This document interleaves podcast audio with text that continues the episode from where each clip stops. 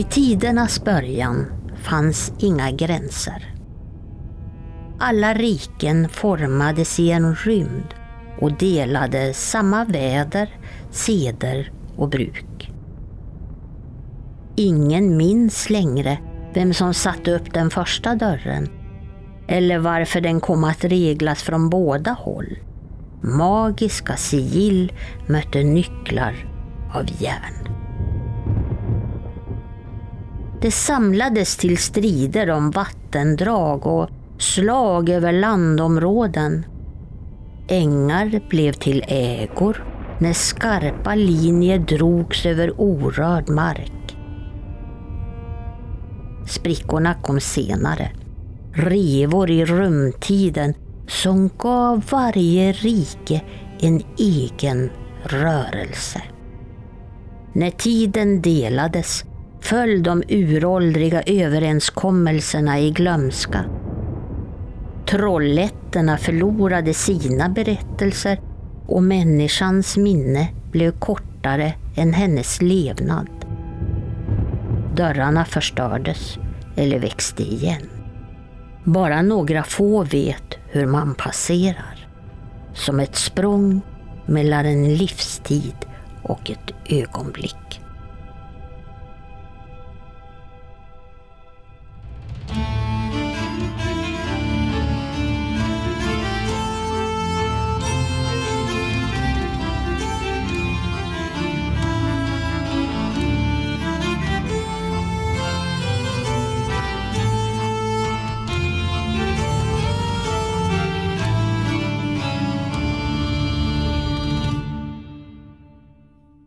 Hej och välkommen till När man talar om trollen med mig Lars Wahlström från Oknytt och eh, religionshistoriker Tommy Kosela. Hej Tommy! Hallå där! Idag har vi ett eh, lite roligt tema på det här avsnittet. Du kanske kan berätta lite grann vad vi har för typ av tema idag? Ja, vi, kommer, eh, vi kommer prata om ganska mycket idag. Det är stora ämnen vi har valt. Det är skillnaden på myt, saga och sägen. Och eh, hur man har funderat kring detta och varför det är viktigt överhuvudtaget kanske att skilja på de här olika formerna av berätt berättande. Vi valde till exempel den här inledande texten som är skriven av eh, mina kollegor Sara Boström och inläst av eh, Eva Boström. Och det är en, en specifik text i en tavla som vi har som kallas Trollhem. Och den är skriven lite grann så att det kan både vara en sägen, det kan vara en bit ur en saga, det kan vara en legend eller en myt. Eh, och jag tyckte det passade väldigt bra till just det här avsnittet.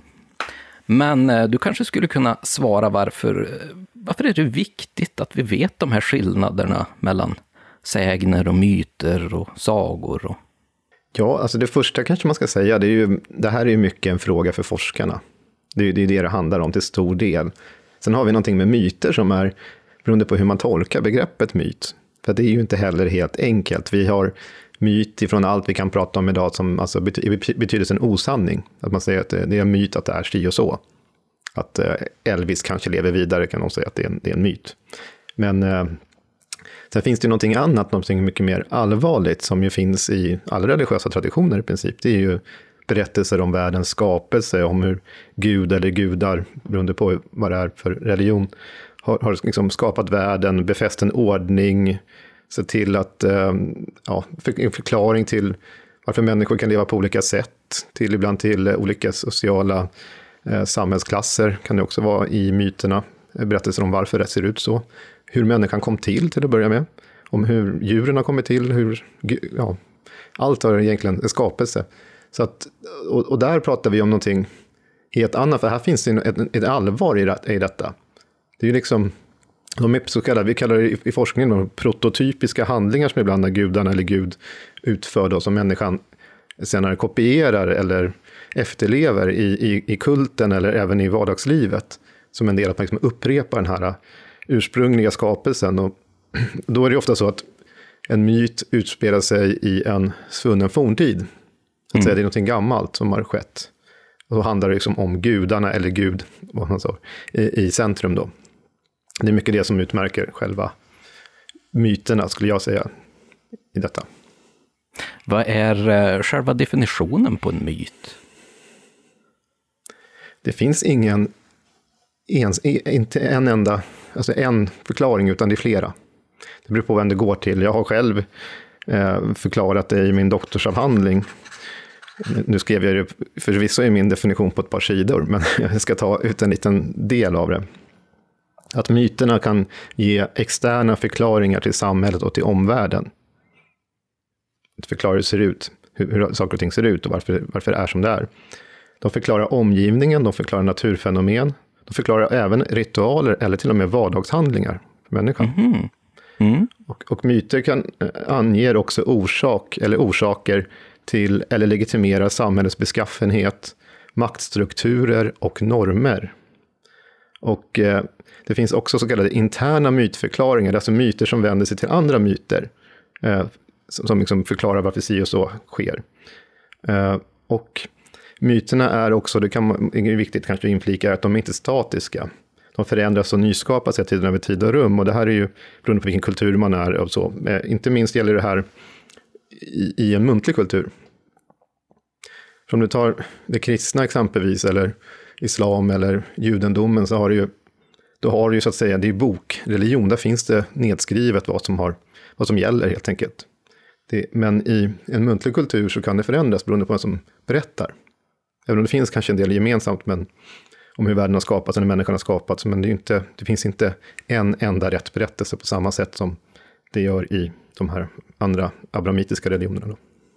Inte minst i kristendomen, eh, i första Mosebok så finns det ju också det, forskare ser ju också att det är flera muntliga berättelser som har vävt samman en gång i tiden här i.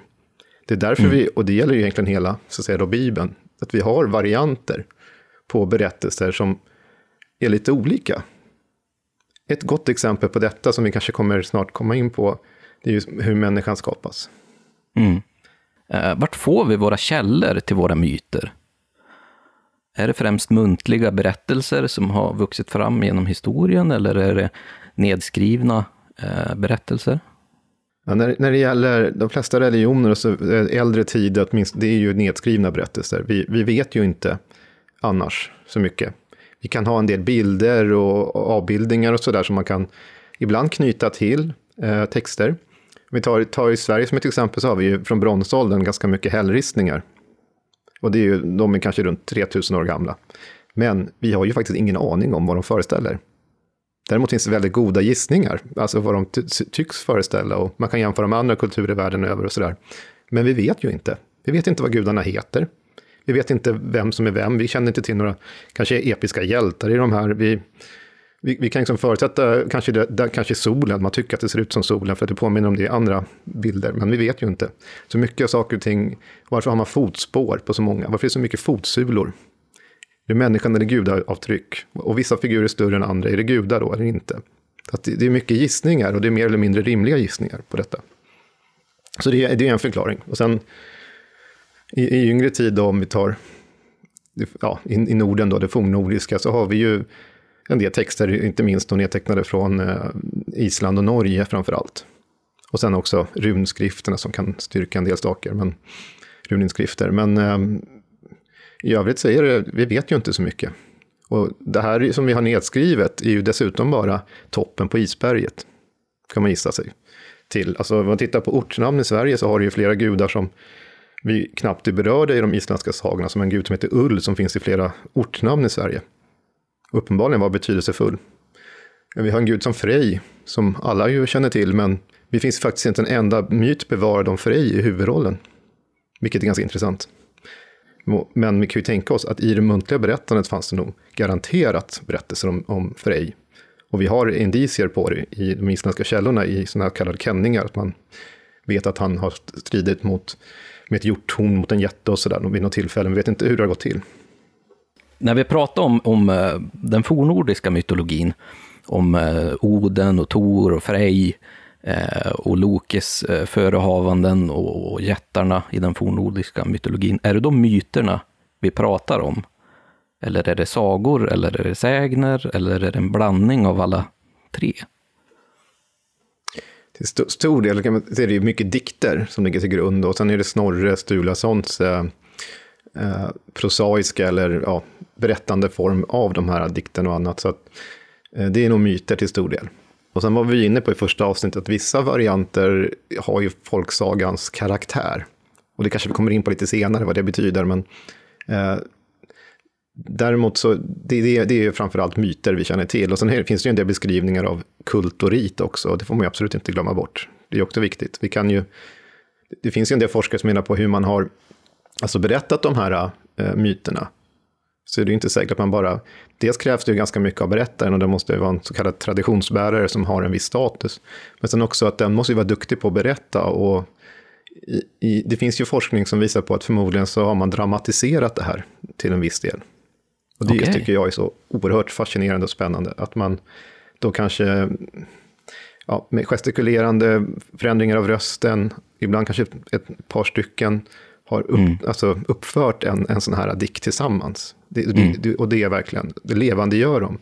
Jag kan, bara måste nästan inflika här för att för ett antal år sedan så var jag i British Library. Jag var inbjuden, eller jag hade en biljett där till, lyssna på en som heter Benjamin Bagby som eh, läser upp Beowulf, fast på fornengelska. Nej, han vad spännande. Då, ja, det var, och det var spännande, jättespännande. Han hade till sin hjälp hade han en harpa som han hade rekonstruerat från Sutton Hoo-graven, att det liksom ska vara tidsenligt. Mm. Och han läser ju på fornengelska och inga moderna engelsmän begriper ju fornengelska. Så att i bakgrunden hade han då en, en översättning, men han läser upp eh, första tredjedelen ungefär av den här dikten på fornengelska, men det han gör är att han ändrar, ibland sjunger han nästan fram saker och ting, ibland så det blir som tal, men, men, och sen så är det höjd och sänkt röst och ibland med hjälp av den här harpan. Och det var, alla satt som trollbundna kan jag säga. Det var helt, helt fantastiskt. Och jag, då, då liksom fördes man tillbaka i tiden. Det var ungefär som att det så det kanske gick till, delvis. En del framföranden. Ja, att, att eh, de här myterna är inte så mycket bara text, utan det är faktiskt ett, ett helt framträdande som eh, levande gör de här alltså, berättelserna.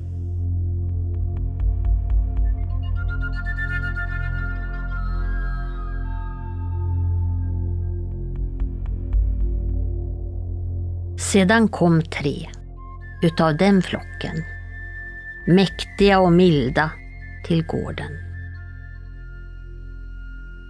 På stranden fann de två livlösa. Ask och Embla utan öde. De hade ej ande, de ägde ej kraft ej blod eller röst eller rosig hy. Ande gav Oden, kraft gav Höne, blod gav lodur och blomstrande hy.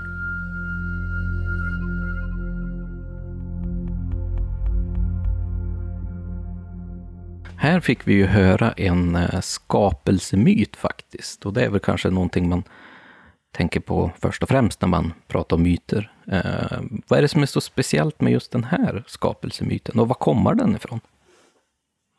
Det vi hörde nu, det är en så kallad antropogoni, alltså en, en, eh, det är en form av myt som berättar om människan har kommit in. Och det här mm. är från fornnordisk då, som vi förstod av Oden. Och sen är det två andra gudar som faktiskt ju inte heller är så välbevarade. Vi vet inte så mycket om hönor och loder. Men här, det är alltså från Völvans spådom, eller Wöllesbau, eh, från den poetiska Eddan. Och intressant är att de hittar ju människan som livlösa träd. Ask och embla. Ask känner vi ju igen, det är samma ord idag för trädslaget. Embla betyder liten alm, ett almträd. Okej, okay. just det. Så att det är, ja, så det är, det är träden som de blåser liv i, gudarna. Så vårt ursprung är av de här två, det är en kvinna och en man. Det känner vi igen från så många andra myter också, vilket ju kanske är ganska naturligt då, för att föröka sig. Men det är oerhört fascinerande hur gudarna här skapar människan ur, mm. ur livlös materia egentligen. Det, det, måste ju vara väldigt eh, viktigt för människan att veta sitt ursprung. Eh, och att de här skapelsemyterna kommer mycket därifrån. Och sen tycker jag det är väldigt intressant att många av de här skapelsemyterna eh, så kommer människan ur ett material. Till exempel här att man kommer lite grann som nästan drivved, eh, som gudarna mm. blåser liv i. Det tycker jag är väldigt fascinerande. Ja, och för att inte kanske dra det här för långt, men i folkliga föreställningsvärldar, inte minst fram till åtminstone 1800-talet, så var det vanligt med så kallade vårdträd, som ju mm. också finns. Eh, det, fin, det här finns ju liksom kvar, det är knuten till släktens eh, fortlevnad och så vidare, det är ju träd. Och inte sällan kanske det är en ask eller, eller en alm. Så mm. det, det, tycker jag är väldigt fascinerande överlag.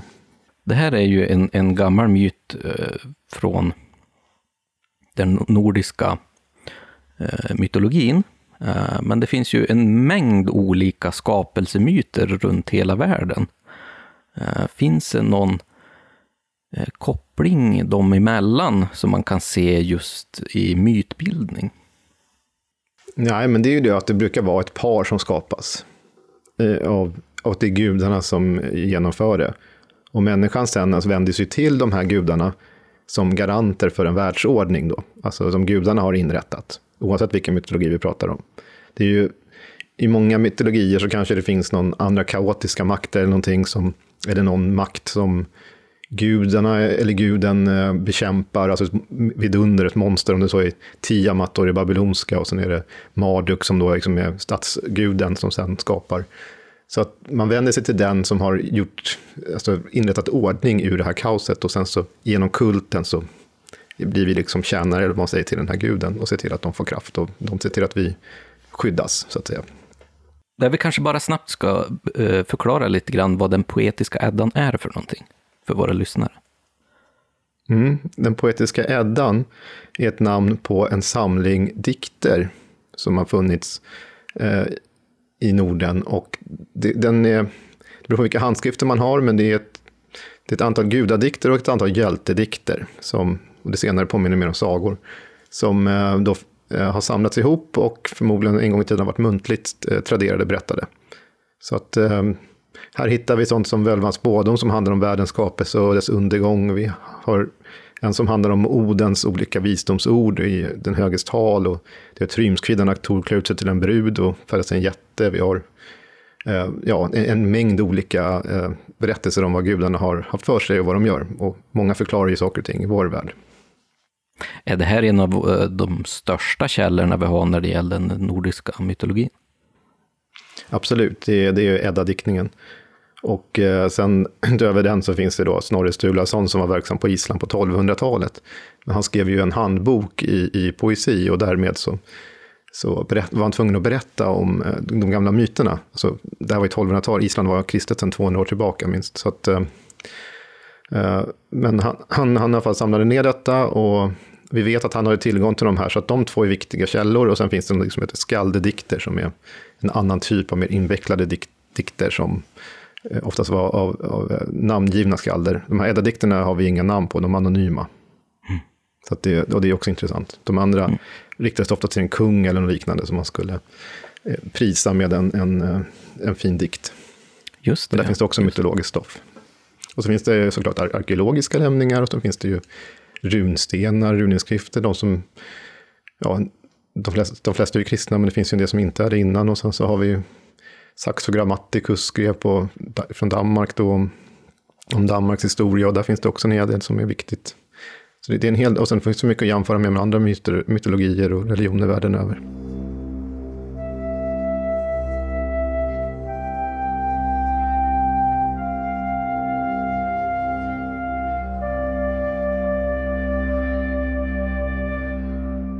Och Gud sade Jorden skall frambringa olika arter av levande varelser, boskap, kräldjur och vilda djur av olika arter. Och det blev så. Gud gjorde de olika arterna av vilda djur, boskap och markens kräldjur och Gud såg att det var gott. Och Gud sade, vi ska göra människor som är vår avbild, lika oss de ska härska över havets fiskar, himlens fåglar, boskapen, alla vilda djur och alla kräldjur som finns på jorden. Och Gud skapade människan till sin avbild. Till Guds avbild skapade han henne. Som man och kvinna skapade han dem. Och Gud välsignade dem och sade var fruktsamma och föröka er, uppfyll jorden och lägg den under er. Härska över havets fiskar och himlens fåglar och över alla djur som myllrar på jorden. Och Gud sade, jag ger er alla fröbärande örter på hela jorden och alla träd med frö i sin frukt. Detta skall ni ha att äta. Åt markens djur, åt himlens fåglar och åt dem som krälar på jorden, allt som har liv i sig, ger jag alla gröna örter att äta. Och det blev så. Gud såg att allt som han hade gjort var mycket gott. Och det blev kväll och det blev morgon. Det var den sjätte dagen.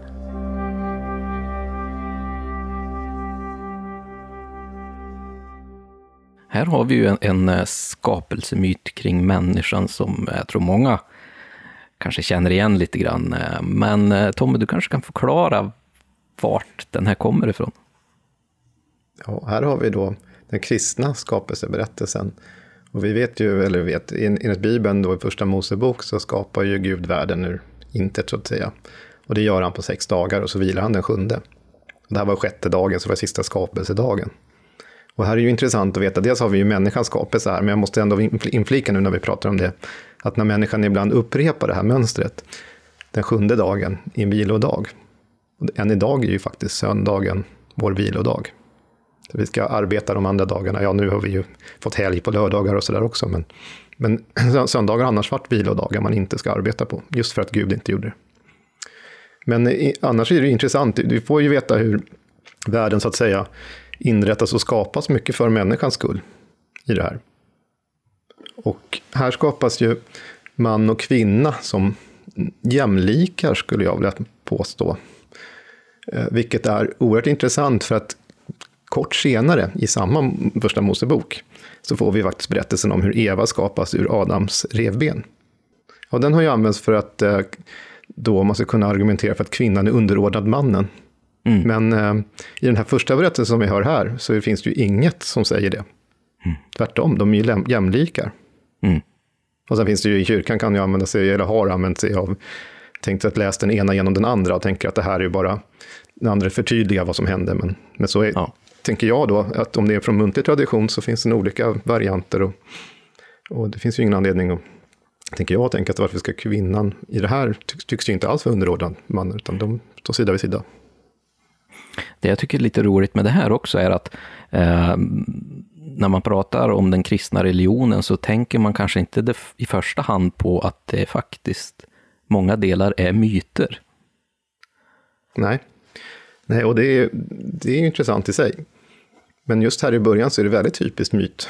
Det är mm. ju precis det som vi känner igen från kulturer världen över när just Gud, i det här fallet inte gudar utan en gud, skapar världen från ingenting. Mm. Det, är, det är ingen jätte som slaktas och, och sådär, men det är ändå, han skapar, han, han, det är han liksom tänker eller får fram det här ur sin, med sin kraft, sin makt. Men det är precis det det är, det är ju en, en berättelse som förklarar varför saker och ting, hur de kommer till och varför det kommer till. Och vi får också en ordning här, där djuren är till för människans eh, väl, så att människan ska jaga dem, så de är underordnade människan och, ja, och så vidare. Finns det olika typer av myter? Det här var en skapelsemyt, några exempel. Men finns det andra? Hur kategoriserar man myterna? Det finns många olika sätt att kategorisera myter. Så att, eh, men eh, man kan prata om, om antropogoni, som jag sa förut. Det är, det är myter som berättar om människans skapelse. Ibland ingår det i en större, alltså ett större sammanhang. Vi har också teogoni, som en annan variant. Det berättar om hur gudarna kommer till. Mm. liksom det här hör ju första ordet Eh, och då är det andra som berättar om kanske vissa naturfenomen kommer till. Och, så att, och en del förklarar just varför olika samhällsklasser, om man ska kalla det för det, eh, varför de är liksom, vissa ska tänks stå över andra så att säga. Vi har inte minst det indiska. Mm. Så att, eh, ja. det, det, ja, det finns många olika typer, men och en del är ju legitimerande också, maktlegitimerande för till en kung eller liknande. Så kunna mm. visa att de eh, får sin makt av Gud ytterst, eller gudar. Mm. Eller ättlingar till gudar eller någonting. Och då är det ju också för att visa på att deras makt är mer än en gemene man.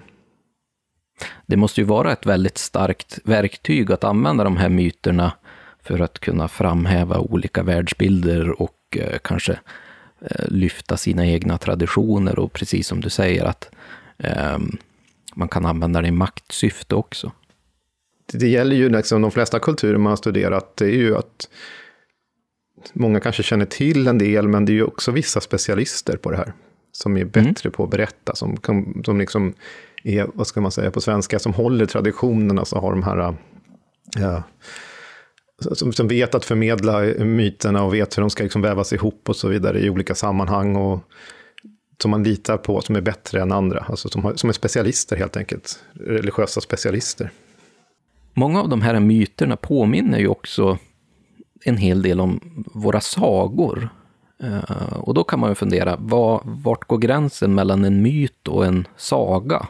Eh, vad är egentligen en saga för någonting? Det finns ju sagor, det finns folksagor. Ehm, vad är en saga? Ja, för det första, om man tänker på, om vi tänker på Norden så ska jag säga så här till, innan jag pratar om vad folksagor är, som egentligen är ämnet nu. Men det finns också isländska sagor, eh, och de ska man inte blanda ihop med detta. För mm. isländsk saga där betyder någonting som är uttalat, någonting som är berättat. Och det är mera islänningarnas eh, kollektiva eh, historieskrivning, alltså fast i muntlig form kan man nästan säga. Så folksagan är generellt, det kommer av, dels det kommer i folklig tradition, det hörs ju av namnet nu, att man har valt just folk här, som måste typ, typiskt också på 1800-talet att göra det. Men det kännetecknas av att, att det är någonting som är diktat. Och det är, alltså, det är fler episodiska berättelser som berättas primärt i avsikt att underhålla. Så att det är, och det är den enklaste definitionen man kan tänka sig. Eh, den, den, är mer komplicerad om man går in på djupet, men tanken här är ju att det är en, en historia som absolut inte, det var inte meningen att bli tagen som, som en sanning på något sätt. Myten är ju helt annorlunda. Där är ju tanken att visa på hur världen har kommit till och varför saker och ting ser ut som de gör. Det finns ett allvar där som inte finns i folksagan. Och det, med det sagt så finns det ju saker i folksagan i vilket fall som kan vara ett sätt att få ett utlopp för eh, pröva roller och, och tänja på gränser och annat som vi människor skulle vilja testa på. Alltså, det förklarar ganska mycket om sin, den tid det berättas i. Men det, men det gör på ett, ett helt annat sätt. En saga brukar ju oftast, kan ju börja lite formelartat, att det är en plats som är inte tidsbestämd, eh, alltså geografiskt. Det kan vara i ett kungarike någonstans, oklart borta, man vet inte säkert. Eh, det är, eh, ja, personerna som omnämns är ganska endimensionella. Det är liksom, en prinsessa är ju bara vacker. Så vet man ingenting mer om henne. Det är en vacker prinsessa. Prinsen eller bonden är liksom, de har, det är en hjälte. Och vi har eh, motståndare, vi kanske har en elak styrmor eller någonting annat. Men de utmärks inte av så mycket mer. Men den typen av sagor som vi framförallt tänker på, och för att göra vi, ska gå igenom lite olika subkategorier idag. Eh, men eh, huvud, om man tittar på folksaga som helhet så tänker många när de hör det, så tänker på det som i forskningen i alla fall, och det här är en skrivbordskonstruktion, de här namnen, men det är att det är en undersaga. Mm. En saga som där sker mycket underverk, där görs det ingen skillnad på. Det är helt, I den här världen är det helt naturligt med drakar och att ibland till och med träden kan tala, eller det, det är ingen som reagerar, man är med på de här noterna. Ungefär som när vi ser på en fantasyfilm idag, vi, vi blir inte chockade av att en trollkarl kan kasta ett eldklot på någon, eller att det kommer eh, gripar och drakar på, från himlen. Det liksom hör till den världen och den miljön. Mm. Så man är införstådd med det så är det okej. Okay. Och i den här undersaga-kategorin så finns flera av de här som vi känner igen. Som Rödluvan, Askungen och Törnrosa. För att ta några exempel.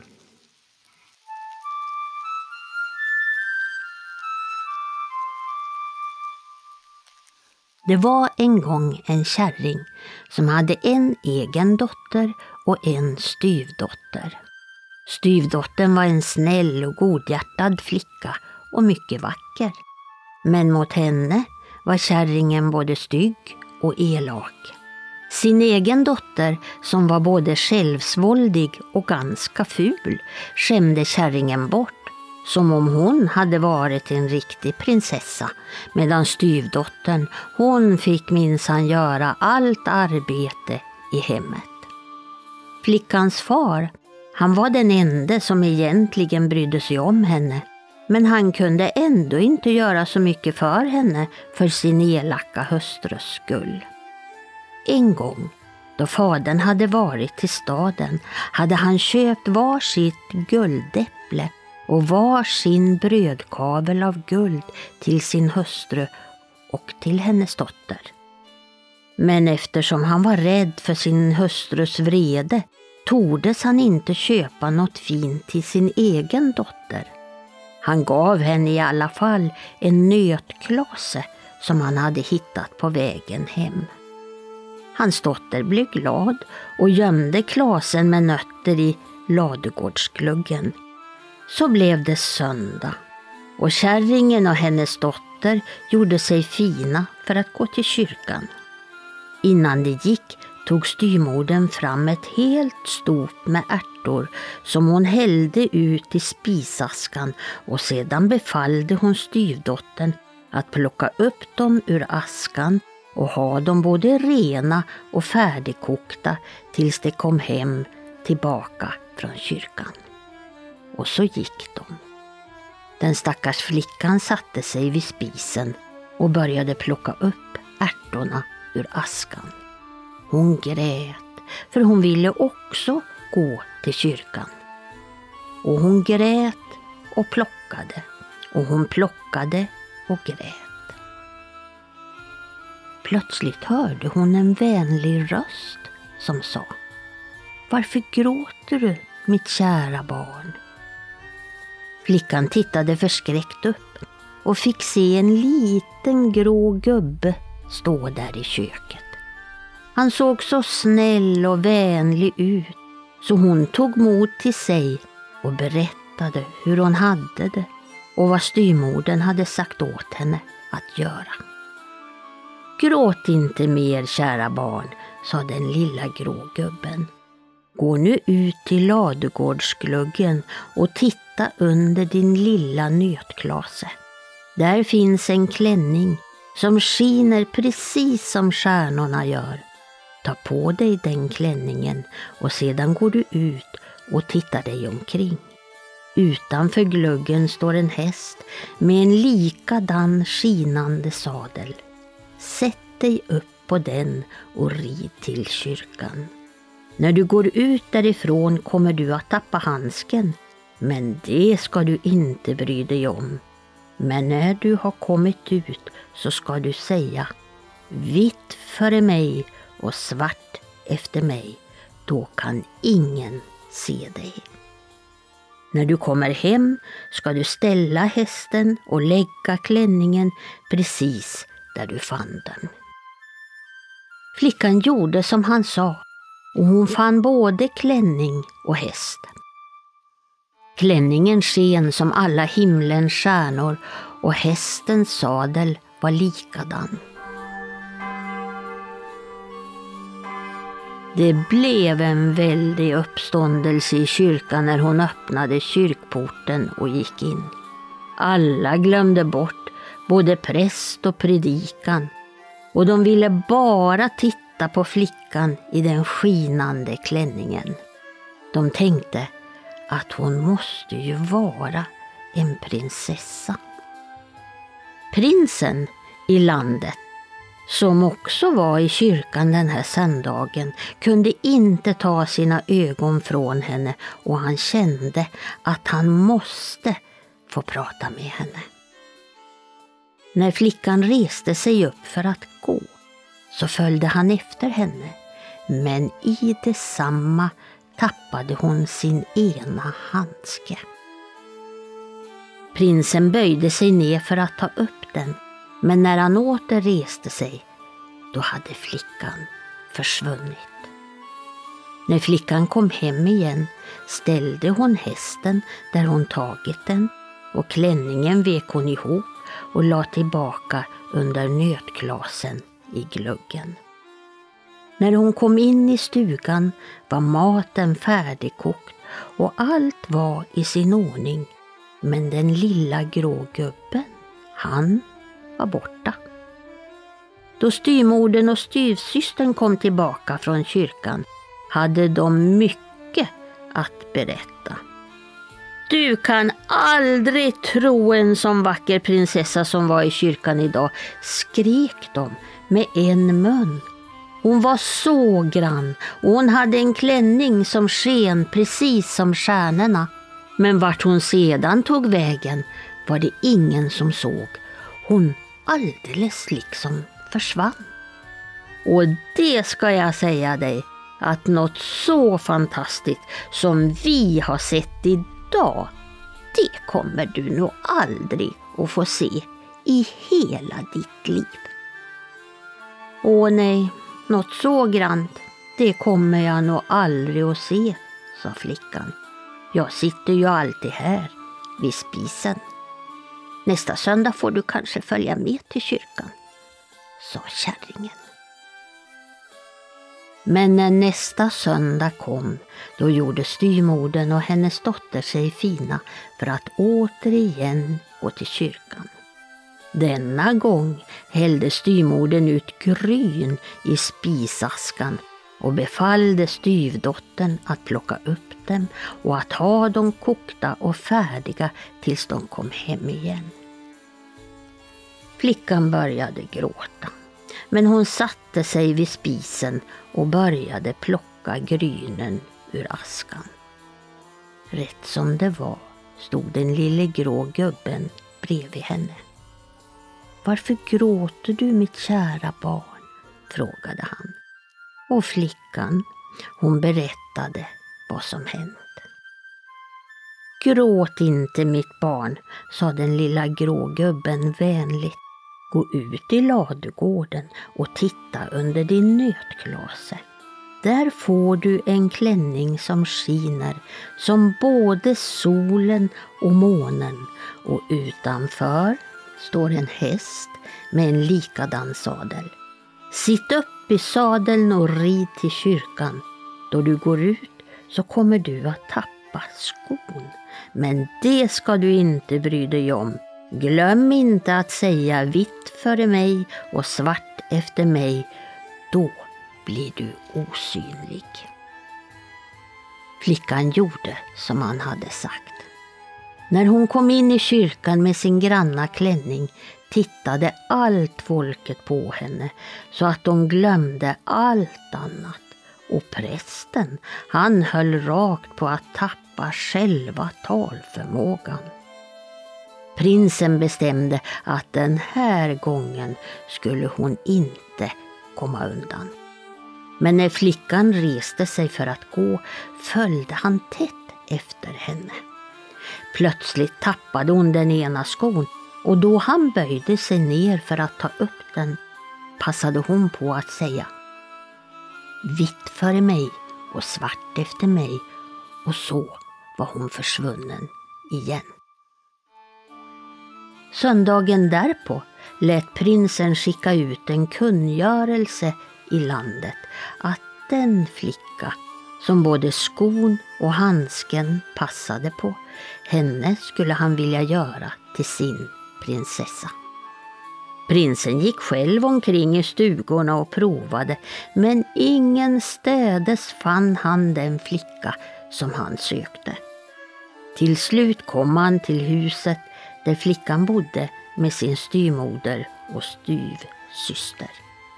När kärringen fick höra att han var på väg klädde hon sin dotter i de finaste kläderna. Men styvdottern lät hon stänga in i hönshuset. Men hur prinsen än provade och provade så passade varken skon eller handsken. Hacka av tån så går det nog, sa kärringen. Men det hjälpte inte. Hacka av hälen så går det nog, sa kärringen. Men det hjälpte inte heller. Skon passade inte. Har mor ingen fler dotter? frågade prinsen. Nej, det hade hon inte, sa kärringen. I detsamma knackade en liten fågel på rutan och sjöng. Hack i hälen, hack i tån, i hönshuset sitter den som skon går på. Vem sitter i hönshuset? frågade prinsen. Nej, det är bara hönspigan, fräste kärringen.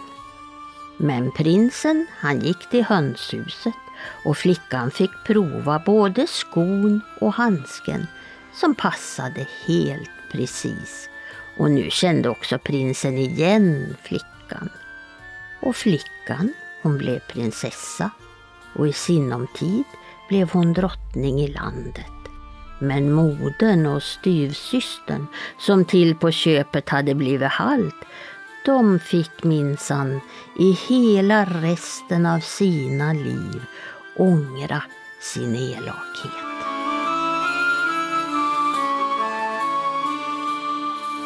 Ja, men här hade vi ju en väldigt klassisk saga som jag tror de flesta känner igen. Ehm, men den hade samtidigt en liten eh, speciell twist. Ehm, och det är inte riktigt den här klassiska som man brukar få höra talas om. Vad var det för saga vi hörde här? Ja, här har vi ju faktiskt då Askungen. Eh, fast det är en svensk tappning som upptecknades i början på 1900-talet då, men eh, från Dalsland. Och den här är så fantastisk för att det är ju många, alltså man ska börja säga så här att många som tänker på eh, Askungen kanske har sett Disneys eh, filmatisering, tecknade. Mm. Eller mm. ja, det finns väl säkert någon, någon spelfilm också. Men den är ju helt, den skiljer sig ju oerhört från många varianter. Och Askungen är en saga som på många sätt finns, den finns i så många olika varianter. Lars, kan mm. du gissa hur gammal Askungen är? Som saga. Oj. Hmm. Den äldsta kända. Det känns som att den skulle kanske vara äldre än jag tror, men om vi ska gissa så kanske den kommer ifrån um, 1600-tal kanske? Ja, 1600-talet faktiskt. Då kom den som heter Perrault som skrev en, en väldigt känd variant av den för, mm. eh, för att roa hovet. Där kom glasskon in. Men nej, den är mycket äldre än så. Den ska okay. nästan gå tillbaka ytterligare 1600 år. Så den, den är ju Oj. nästan 2000 år gammal, den här sagan. Den äldsta varianten är från antikens Grekland. Och sen har vi varianter från Kina, som är också ganska tidiga. Så att den, och den här finns nästan över stora delar av världen, mm -hmm. i olika tappningar. Så att det är det som är så fascinerande med den här sagan. Så att mm. det man ser på Disneys variant är ju en väldigt tillrättalagd, gullig variant. Vi har ju inga avhuggda tår eller hälar här. Och det finns ju också varianter där fåglarna angriper de här styvsystrarna och modern och hackar ut deras ögon och sådär. Så att, eh, och i Norden fanns det ju också många varianter där det inte var en flicka, alltså ingen askunge, utan det var en pojke. Så Askefisen eller Askeladden eller Askepjäsken eller något sånt liknande finns det mm. mycket av. Och då är det styvbröder ibland som, istället för styvsystrar. Så att, eh, ja, jag tycker det är kul. Och sen är det ju intressant det här, för att många tänker sig den här eh, elvan, eller man ska säga, i Disneys variant och den här pumpan som kommer. Och, och det är ett bal, bal på slottet. Det ser vi ju varje julafton om inte annat. Vad är väl en bal på slottet? Här är mm. kyrkan de ska till. Och det är inte någon sån här fairy godmother, utan det är ju, det är ju faktiskt en liten grå gubbe som ju då eh, drar för tankarna till tomten, gårdstomten. Mm. Det sägs ju inte uttryckligen, men man tänker ju på det. Ja. Hon sitter i hönshuset, det är också sån här typisk eh, grej. Så, men även fåglarna finns ju här, de är med och sjunger och, och här är både en handske och en sko. Men det är det här magiska att det är bara hon. Och det, det som är typiskt i de här undersagorna det är också att de har en formel där man kan förvänta sig att det ska vara ett lyckligt slut. Mm. I många fall. Alltså det, det, finns vissa, eller det finns vissa former som inte får brytas i de här kanske man ska säga. Eh, så att det, oftast blir det ju liksom lyckligt på något sätt på slutet för den här personen. Men det gäller ju inte alla folksagor, en del är ganska hemska, för det beror på hur man tänker sig. Jag menar, ta en annan väldigt känd saga som Rödluvan, mm. som också finns. Både Rödluvan och eh, Askungen finns också i Bröderna Grimms eh, insamlade sagor från, jag tror den första kom ut 1812, och sen kom det flera varianter. Och någonting när det gäller Grimm, som ibland kallas lite skämtsamt för Bröderna Grym, för att det är så grymma sagor, det är att eh, de var ju aldrig menade för barn egentligen, första. Alltså det är ju, det, ja. De här berättelserna i sig är ju inte heller någonting som man berättade för barn primärt, utan det var någonting man berättade sinsemellan vuxna också. Så att, eh, mm. det, det är som är lite grej med, med folksagan, att den är lätt att berätta som underhållning när du arbetar. Det, om du har någon duktig berättare så kan du sitta, säg om du sitter inomhus och arbetar med något, då är det ypperligt. Du har ju ingen radio att lyssna på eller sånt där, utan då det, kan de berätta sagor. Kanske i vissa fall också flinka in sägner, men det är, sagorna är perfekta. Kan sitta, och, som de har flera episoder så kan man sitta ganska länge och prata. Och jag kanske ska förklara det här med episoder förresten också. Mm. För att många så att säga sägner, som vi kommer komma in på sen, är oftast enepisodiska. Så det är en händelse som utspelar sig, man kan säga det, en, det kretsar kring en, en liksom episod. Och man ser som en, vad ska man säga, kapitel, nej inte kapitel en bok, men det är, ja, i teater är en liksom scen, eller liknande, så att man kan följa med lättare.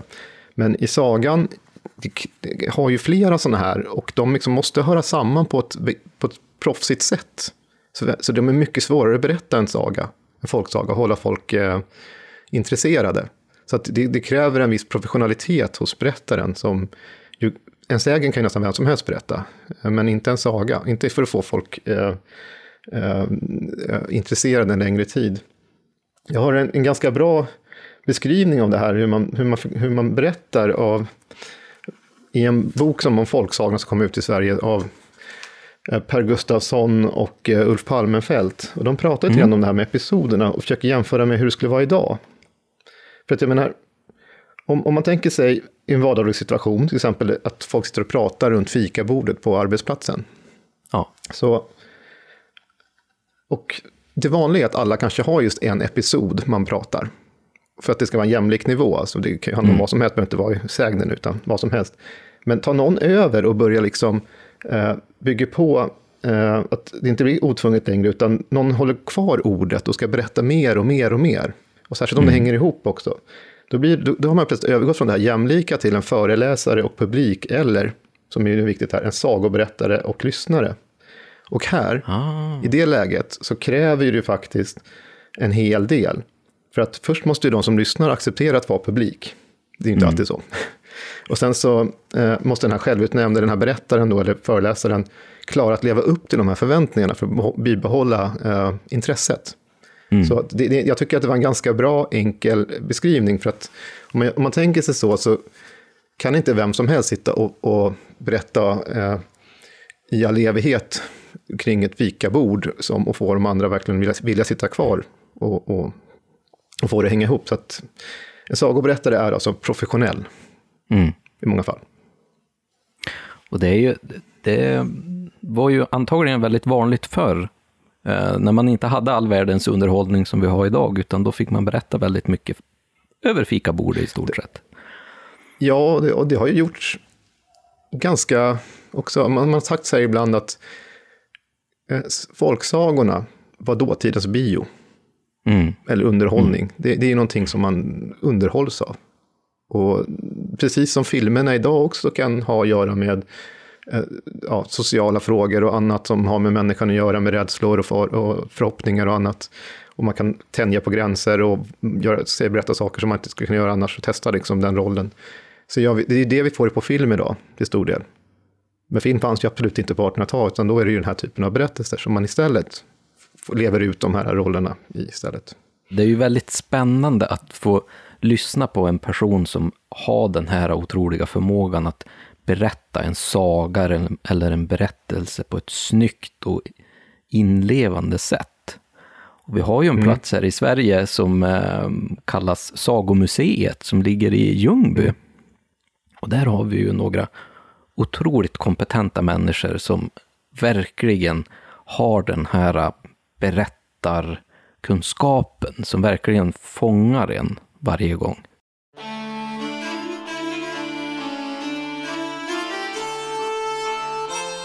Räven och björnen var ute på strövtåg för att söka sig mat, var och en för sig. Räven, han hade kommit över ett getingbo som han gick och bar i munnen. Helt oförmodat träffade han på björnen som låg och åt på ett nyss ihjälslaget får. Vad har du i munnen? frågade björnen. Honung, sa räven. Åh, får jag smaka? frågade björnen. Mm, ja, det får du, sa räven. Men då vill jag smaka på det som du har. Och det fick han lov till. Och räven lade ner getingboet med honung och getingar framför björnen och själv började han riva sönder fåret, för han ville åt hjärtat. Till björnen sa han, liksom i förbigående, akta dig så inte honungen rinner bort. Och björnen la då häftigt sina ramar på getingboet så att alla getingarna flög ut och stack honom. Björnen blev ilsken och när han dessutom såg att räven tagit ut hjärtan och höll på att äta upp det, då lyfte han ramen för att slå till honom, men fick endast fatt i svansens spets. Och den gick av. Och efter den betan är rävens svansspets vit.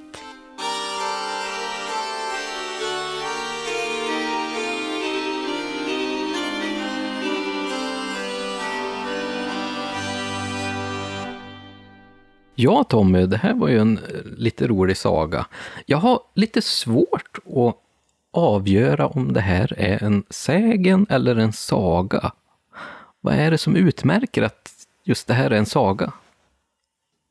Ja, det är en så kallad djursaga, eller en fabel, där djuren Mm. eh, representerar egenskaper hos människan. Det här också, går också tillbaka till antiken. Och det är använt väldigt mycket i, så här, i didaktiskt, i uppfostrande syfte. Och i de här så har, det är djuren som är, står i centrum då.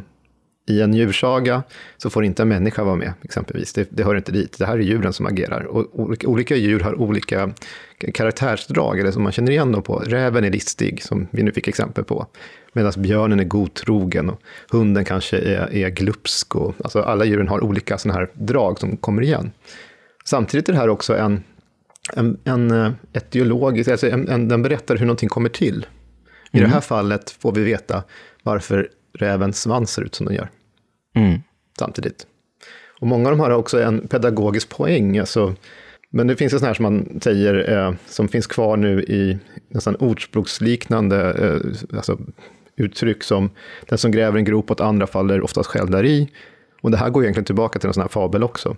Och eh, den som greppar efter, gapar efter my- mycket mister ofta det stycket går också tillbaka till en sån här eh, fabel från början. Men vi har ju liksom kvar det där, fast vi har glömt bort själva berättelserna som ju var de som förklarade var, varför det är så. Så det, det är ju det är väldigt spännande. Sen är det ju att de, många av de här går ju in i, är ganska skämsamma. Mm. De är ju roliga också. Mm. Det, man ser ju upp, uppenbarligen underhållningsvärdet i sättet som det berättas. Ja, alltså vissa av de här, så det är ju djursaga och varianter på det. Det finns ju även berättat i ganska modern tid. Mm. Jag minns för några år sedan så stötte jag på en berättelse som, vis, som skulle förklara varför hundarna rum, luktar sig själv, varför en hund när den möter en annan hund eh, luktar den i rumpan. Jaha. Och då ska det gå tillbaka på att en gång i tiden, eh, all, alla hundar var på ett kalas helt enkelt, en gång i tiden. Mm. Och eh, då var det någon som kom på att de skulle byta svans med varandra. Mhm. Och alla hundarna bytte svans med varandra och sen var det någon jättesmällare utanför, så alla hundarna blev livrädda och sprang åt världens alla håll och kanter. Så sen den dagen när de, en hund träffar en annan hund så går den fram och kontrollerar om det är den svans som sitter på den andra hunden. Det var sån modern. Den har förlorat mycket av det här gamla, det här didaktiska och så, som berättar om Ja. eh, ja, mänskliga egenskaper, men den är rolig. Och den förklarar varför, inte minst kanske idag för ett barn, varför hundar rumpa, luktar varandra i rumpan. Det finns ju oftast en hel del moralpolitik i de här eh, berättelserna. Ja, alltså typiskt för, ja, för många folksagor, det är, ja, det är det, det moraliska. Det finns en slags moralläxa, inte minst fablerna är väldigt viktiga, eller väldigt mycket så. Det, det är någonting som man ska dra lärdom av i detta.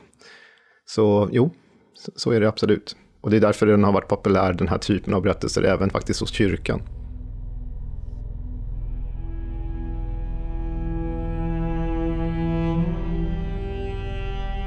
Djävulen han sitter målad i taket i kyrkan i Tun, precis under profeten Elia som de målade dit sedan. Och det var djävulen som de skrev kontrakt med. Smeden i Karsvan, han hade ett kontrakt. Han stod en gång i smedjan och såg hur djävulen kom. Smeden sa åt drängen att hålla en säck för nyckelhålet och så låste han själv dörren till smedjan. När djävulen inte kom in genom dörren så slank han in ändå genom nyckelhålet och hamnade i säcken. De slängde kvickt upp säcken på städet och började att slå och hamra. Djävulen bad om att få slippa ut och det skulle han få, sa smeden, fast då var djävulen tvungen att gå med på fyra villkor. Det första villkoret det var att annullera kontraktet. Det andra var att järnet aldrig skulle ta slut. Och det tredje att brännvinsflaskan aldrig skulle vara tom. Och det fjärde villkoret var att den som gick upp i smedens päronträd och stal päron skulle inte få komma ner med livet i behåll. Djävulen gick med på smedens alla villkor. Tiden gick och smeden smidde. En dag när smeden stod vid städet kom den riktiga döden, skapt som en fin herre och skulle hämta honom. Smeden bad att få göra sitt smide färdigt först och det fick han lov till. Smeden bjöd den fine herrn att under tiden gå upp i stora päronträdet och äta av de goda päronen. Men sen kunde inte döden komma ner ur trädet utan han fick sitta där. Och först äta upp alla päron och sen alla löven och sen alla grenarna och till sist var han tvungen att äta köttet på sig själv. Och det, det är förklaringen till att döden än idag går omkring som ett benrangel.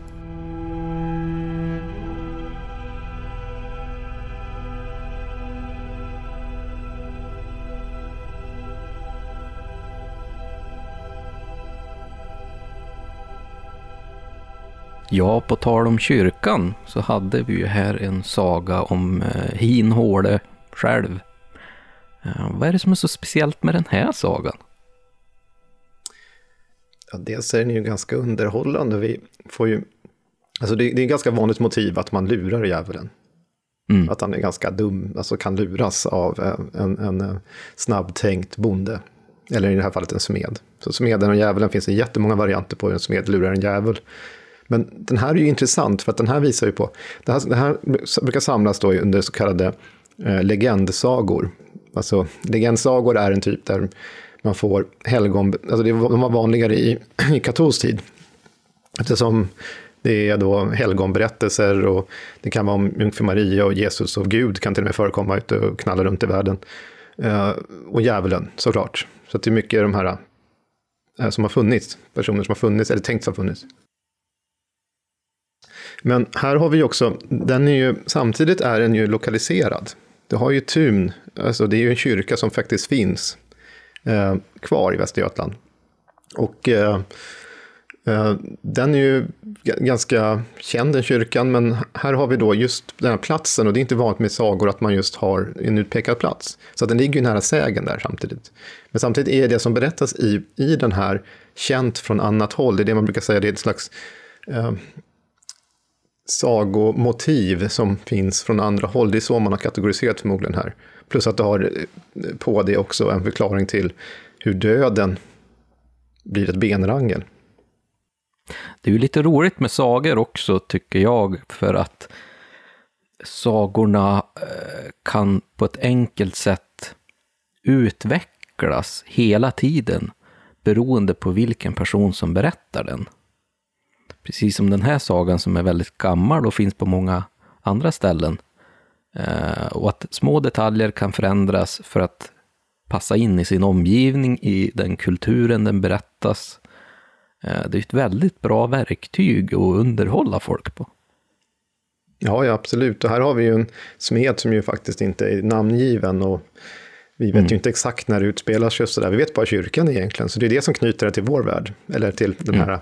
Verkligheten, en kyrka man kan gå till. Men annars är det ju väldigt sådär någonstans. Det, det, den skulle, precis som du säger, kunna utspela sig var som helst nästan i Sverige.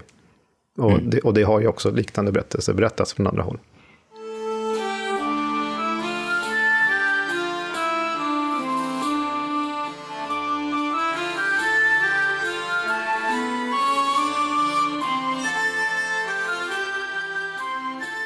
Nu har vi pratat om både fabler och legender, men en stor del av de sagor som finns är väl kanske just de som är närmast befolkningen på något sätt. Och det är väl egentligen skämtsagorna. Har vi något bra exempel på en, eh, en skämtsaga? Ja, skämtsagor, där tillåter man sig driva med det ena och det andra. Och, och det är som du säger här, när, när man samlade in sagor, och inte minst gäller det här framförallt i äldre tid, när man var ganska pryd. Och det var man ju ganska långt fram i tiden också. Man, man var ute efter det spektakulära, man ville ha de här undersagorna som man kunde hitta och forska på hur de har sett ut runt om i världen. Och de här enklare berättelserna som där bönderna eller folket liksom var burleska och, och, och, pratade om snusk och annat, det, det, det censurerade man helst, eller ville helst inte ha skriva ner på samma sätt som andra saker. Då. Och i, I nyare samlingar så finns det ju sånt här med, tack och lov. Och faktum är att det, det är ju faktiskt en väldigt spännande, rolig del också. Så jag har en saga framför mig här som heter, ja, eh, nu, den heter så, den heter Fitta Bits. Och, och enligt den här berättelsen då som berättas av en, eh, av en hall född 1864 i Långhall i Örby socken, så får vi höra så här att det fanns en man i Sjuhäradsbygden som inte ville låta fruntimmer gå i fred. Var han fick se någon kvinna så ville han, om, om han inte fick komma till i godo öva nesligt våld. Så var det en kvinna som tänkte att hon skulle bota honom, som lovade honom samlag. Hon hade en stor, eller ett stort fiskhuvud mellan benen. När så den där mannen skulle till lagar kvinnan att han körde manicken i fiskhuvudet. Så knep hon åt så fisktänderna högg tag i manicken. Mannen började illhojta och sprang sin väg. Sen när någon sa till honom, där borta går en vacker flicka, den skulle du ha. Nej, sa mannen, fitta bits. Så här, här blev han botad.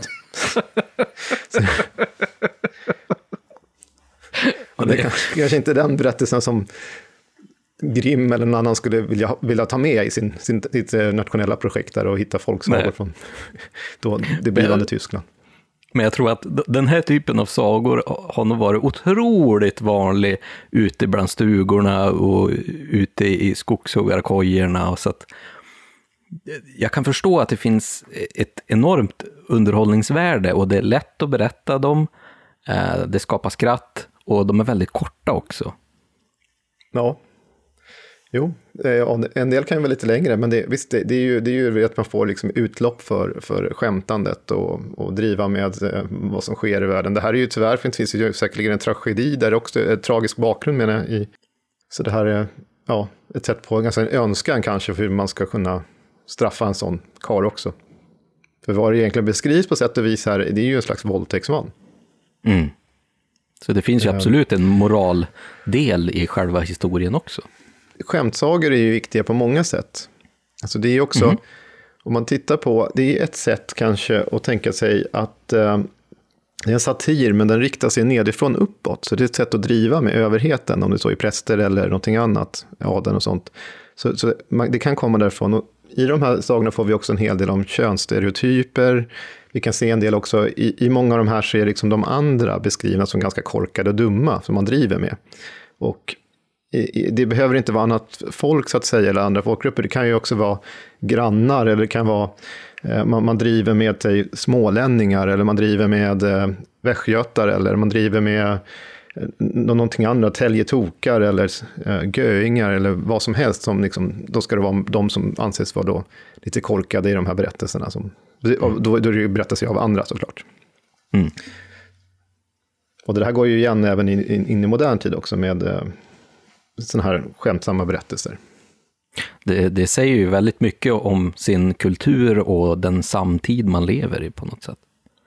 Ja, precis. Som alla, alla berättelser som vi egentligen går igenom här när det gäller sägner och sagor och, och myter och sådär, de är ju de har ju mycket, de är tillkomna i en viss tid och sen så kan man ju ladda dem med betydelse i modern tid också, som inte minst då gäller myterna eftersom de fortfarande är aktuella då för inom säg, den, ja, kristendomen och judendomen och islam, hur världen har skapats och så vidare. Så mm. Det tolkas ju på olika sätt och ibland ser man det som, kanske inte bokstavligt som, som det står, en del kanske tolkar det så, men en del menar ju just det här att man mäter hur lång världen, länge världen har funnits och står att det finns eh, enhörningar i en felöversättning i King James Bible, så då, då bygger man ett, ett skapelsemuseum där man sätter dit en enhörning, som, som har skett i USA exempelvis.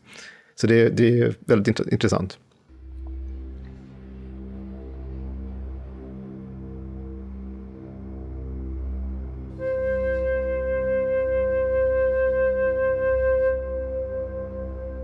När vår Herre skapade djuren ville den onde också göra ett djur, så han satte igång.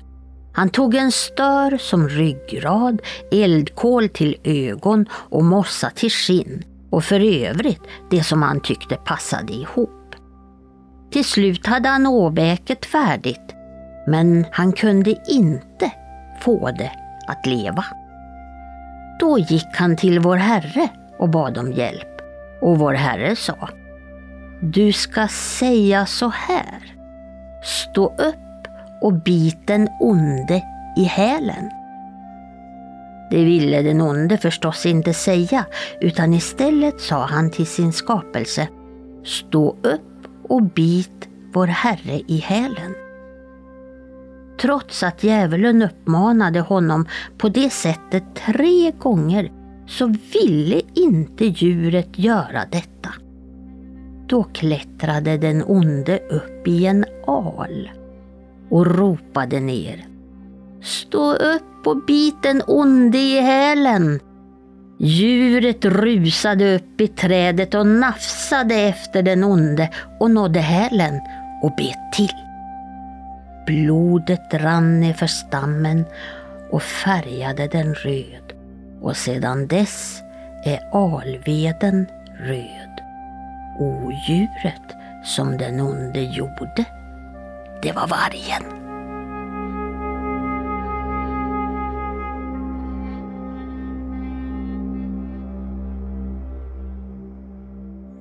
Ja, här hade vi ju någonting som jag tycker låter en hel del nästan som en skapelsemyt nästan, fast i en sagovariant.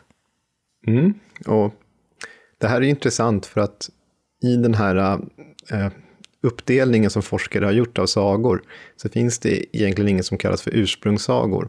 Men i den här senaste svenska utgåvan som kom av Per Gustafsson och Ulf Palmenfelt så har de just en kategori som de kallar för ursprungssagor. Och det här är, en, skulle jag väl säga, en typisk sådan eftersom det har en förklaring till, dels har du djävulen igen, hur han skapar vargen då. Förklarar ganska mycket vad folk, vad folk tyckte om vargar. Och också varför alen är röd. Så mm. det, det, är en väldigt, väldigt fascinerande saga, men det är, det är en slags ursprungssaga som kanske inte tas på fullt allvar, för där, där skiljer det sig från myterna, men den är lite skämtsam. Jag tror inte folk på fullaste allvar trodde att det var därför alen hade röd färg. Varför tycker du eh, sagorna är viktiga att bevara? Men sagorna, ja, de, de lever ju liksom kvar idag. Det, det är ju det är ett sätt för det är berättelser som förklarar ganska mycket om människan själv.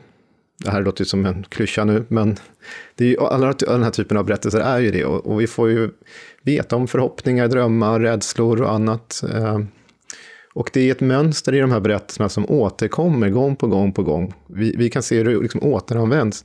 Jag vet att för ett, ett antal år sedan kom det en film som hette Hard Candy.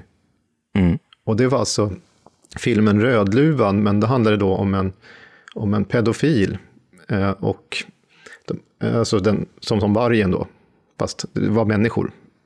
Och det var mer symboliken och färger och sånt där som man såg att det var eh, Rödluvan-berättelsen.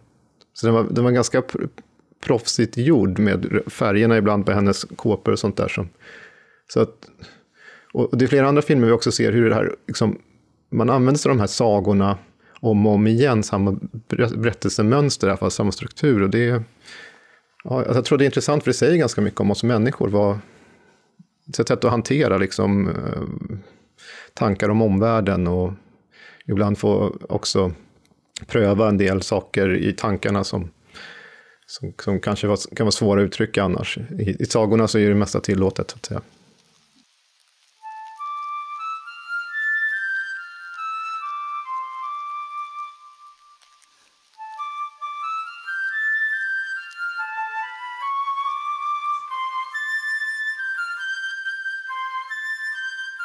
Från saga till sägen. Um, sagornas syfte var ju som sagt att främst underhålla. Men uh, vad är egentligen då en sägens syfte?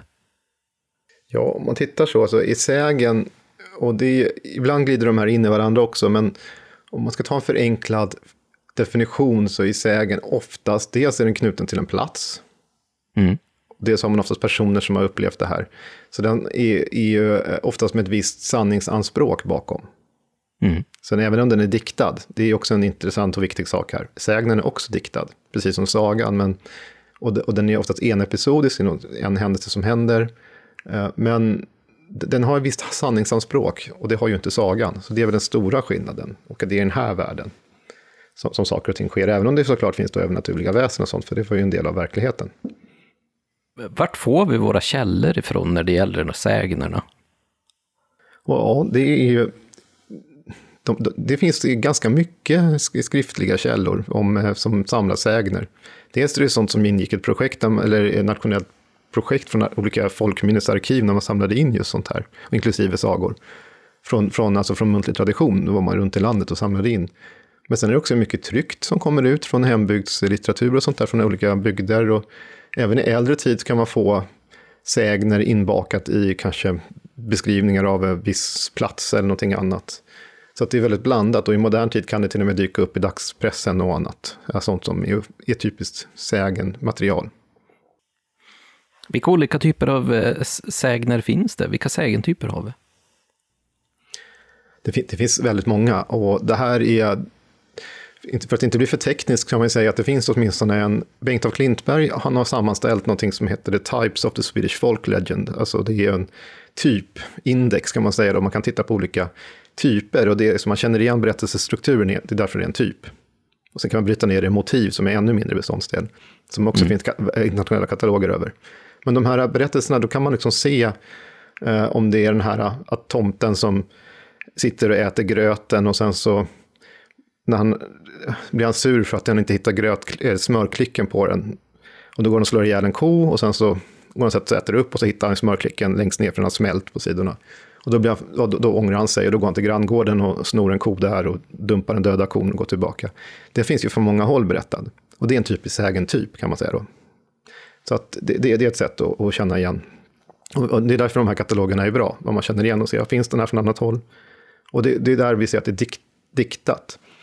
Men eh, om man tittar på vad folktro är så, så är det liksom, sägen är inte alltid just i sig bara folktro så, utan vi har någonting annat som är eh, trosutsaga. Mm. Och det är en direkt utsaga, ett påstående om någonting som, som ju mer direkt eh, ger eh, ett uttryck för en kollektiv folktro. Um, och den, inte, den, har inte samma form alltså som den berättar mer ingående att det och det har hänt här. Det sägs att det har gjort. Men den har inte den här episka, eller den här episka diktstrukturen med en början och ett slut, utan det kan vara att här, har liksom, här är den och den, det är skogsråt som, är, som har ett namn kanske, som finns där och, och så, vid en viss plats. Men det är inte den här berättelsen direkt. Och sen har du ytterligare en form som kom fram för att förklara, som ju egentligen är den mest intressanta på många sätt för forskaren, det är det som benämns memorat. Och ett memorat är inte heller en sägen, men den uttrycker folktro, för att det är ju den som eh, personliga upplevelser av någonting. Så någon som menar sig ha upplevt eh, möte med tomten eller troll eller vittra eller bysen eller någonting, så är det ju den personens egna eh, berättelse av, av händelseförloppet. Och intressantast är ju såklart när den berättar själv och inte när det kommer en tolkning, för det kommer oftast efteråt. Ett memorat har väl oftast den här ganska korta korta kopplingen bakåt. Mm. Antingen är det jag själv som har upplevt eller så är det eh, min kusin eller min mor som eh, minns det här. Ja, och så ska vi ta någonting som ju är lätt att, att hänga med här kanske, det är ju vår tids spökberättelser. Mm. För många av dem är ju då ett memorat och de, de, kan, de kan skilja sig åt, men det är ju du själv eller någon som är väldigt nära dig, din mamma eller barn eller någonting som kanske har varit med, eller far för den delen. De har varit med om någonting och det, följer, det behöver inte följa ett samma mönster som man är van vid, som kanske en sägen gör att det ska liksom ha en viss form. Utan det här hände då. Så, och så beskriver man det så. Det som man har sett. Och så är man inte säker på det, men det är ett memorat. Och den, det är ju intressant, för det är som självupplevt, hur man själv har upplevt någonting. Det, det finns en ganska bra förklaring till de här olika kategorierna som Bengt af Klintberg har gett på 1973 faktiskt i en skrift. Och då skriver han så här, om, för att förklara de här olika genrerna, hur de hänger ihop inom folktron. Och då, menar, då skriver han så här, i den supranormala folkliga traditionen kan trosutsagorna, alltså då kan sägas vara teorin. Sägnerna okay. är en slags exempelsamling till teorin. Mm. Konkreta episoder där folktron har gestaltats i dramatiska händelser, alltså omdiktats. Medan memoraten då slutligen är praktiken och berättar hur det går för en människa som har råkat i en så kallad supranormal tradition. Då. Så att det där, där är ju hans uppdelning. Och den, jag tycker den är, den är superspännande och väldigt bra. Så att om sägen och saga är diktat, så är, och, och saga har ju ingenting med egentligen folktro att göra, delvis kanske, men sägnen har ju det. Eh, så är då trosutsagan återger då en kollektiv folktro medan memoraten anses vara en verklig upplevelse som, av någonting som har hänt. Vi har ju sägner eh, som vi ofta pratar om, men sen har vi någonting som vi brukar kalla vandringssägner. Eh, skulle du kunna reda ut lite för oss vad det betyder? Mm, en vandringssägen eller en, är ju en slags sägentyp som finns på flera håll, belagt från flera håll, i, inte bara i landet utan i världen. Så man kan, i kataloger kan man se jämförelser hur den finns liknande. Ett exempel är, om jag bara ska ta någonting rakt upp och ner här, är hur skogsråt, eh, den här, ens egen typ som kallas för självbrände, det är att hon, hon träffar en, hon kommer fram till en som sitter, en kolare eller någonting som sitter vid elden eller en jägare. Och sen så frågar hon vad han heter och då säger han att han heter själv. Eller att han heter ingen. Och sen så efter ett litet tag när hon försöker förföra honom så, uppdagar, så ser han ju att det är skogsråt och då kastar han eh, hett kaffe eller någonting annat på henne, ibland till och med hennes underliv. Och då springer hon skrikande därifrån och skriker att själv brände. Och då svarar någon från skogen som själv brände för, själv, för själv skylla sig själv eller något sånt där. För man skylla sig själv. Och den där är ju intressant, för den går ju tillbaka till, den har vi redan i Odysseen, Homeros Odysseen i antikens Grekland. För det är ju när Odysseus är hos den här kyklopen, eller cyklopen, mm. så heter han ju ingen. Och sen när han stuckit ut den här cyklopens öga så skriker ju den här cyklopen till de andra cykloperna. Men då säger de också att om ingen har gjort det så får liksom ingen skylla sig själv ungefär. Det är för att han lurar, och det, och det är det jag menar på att vandring, den har ju vandrat, och den är ju då väldigt gammal då, eh, uppenbarligen. Så att, eh, det, det, är ett exempel på det. Men i modern tid så har vi någonting annat. Det är ju modern, moderna vandringssägner. Mm. För man tänker, förr i tiden så spreds ju saker framför allt från mun till mun. Uh, och i viss fall från text, men framförallt från mun till mun. Idag så går det till på lite andra sätt. Vi har ju internet och nyhetsförmedling på ett annat... Alltså vi kan ta kontakt över, över världen. Och någonting som, en, en som är expert på detta i Sverige, det är ju Bengt af Klintberg. Mm. Hans superkända Råttan i pizzan är ju ett exempel på detta. Och den uttrycker också rädslor för när det kommer nya restaurangtyper till landet. Alltså då i det här fallet så var det pizzeriorna och då var man skeptisk och rädd för dem. Det finns liknande ibland som knyter till rent rasistiska tankar om, sig romer eller någonting annat, att de odlar potatis och river upp parkett, parketterna och sådär. Men en variant jag tänkte på här som är lite intressant, det var, han, han skrev ju uppföljare till den här råttan i pizzan, bland annat den som heter Den stulna njuren. Mm. Och den stulna njuren som han ger den första i sin bok, den kan jag nästan läsa upp här. Mm. Och den är så här. Och här, den här finns ju i hur många varianter som helst. En av försäljarna på Beefmaster känner en kille som var på rundtur i fjärran östern. Gruppen som han reste med mellanlandade i Bangkok och tog in på ett hotell. Han blev sugen på en whisky, men det fanns ingen bar på hotellet så han gick in i en bar tvärs över gatan. När han hade svept i sig glaset minns han inget mer förrän han vaknade upp i ett rum någonstans i Bangkok, omlindad om halva kroppen. Han hade ingen aning om hur många dagar som hade gått. På något sätt lyckades han i vilket fall ta sig till hotellet och reseledarna skickade hon, hem honom med nästa plan och när han kom hem togs han in på SÖS, Södersjukhuset, för undersökning. Då visade det sig att han hade blivit av med sin ena njure.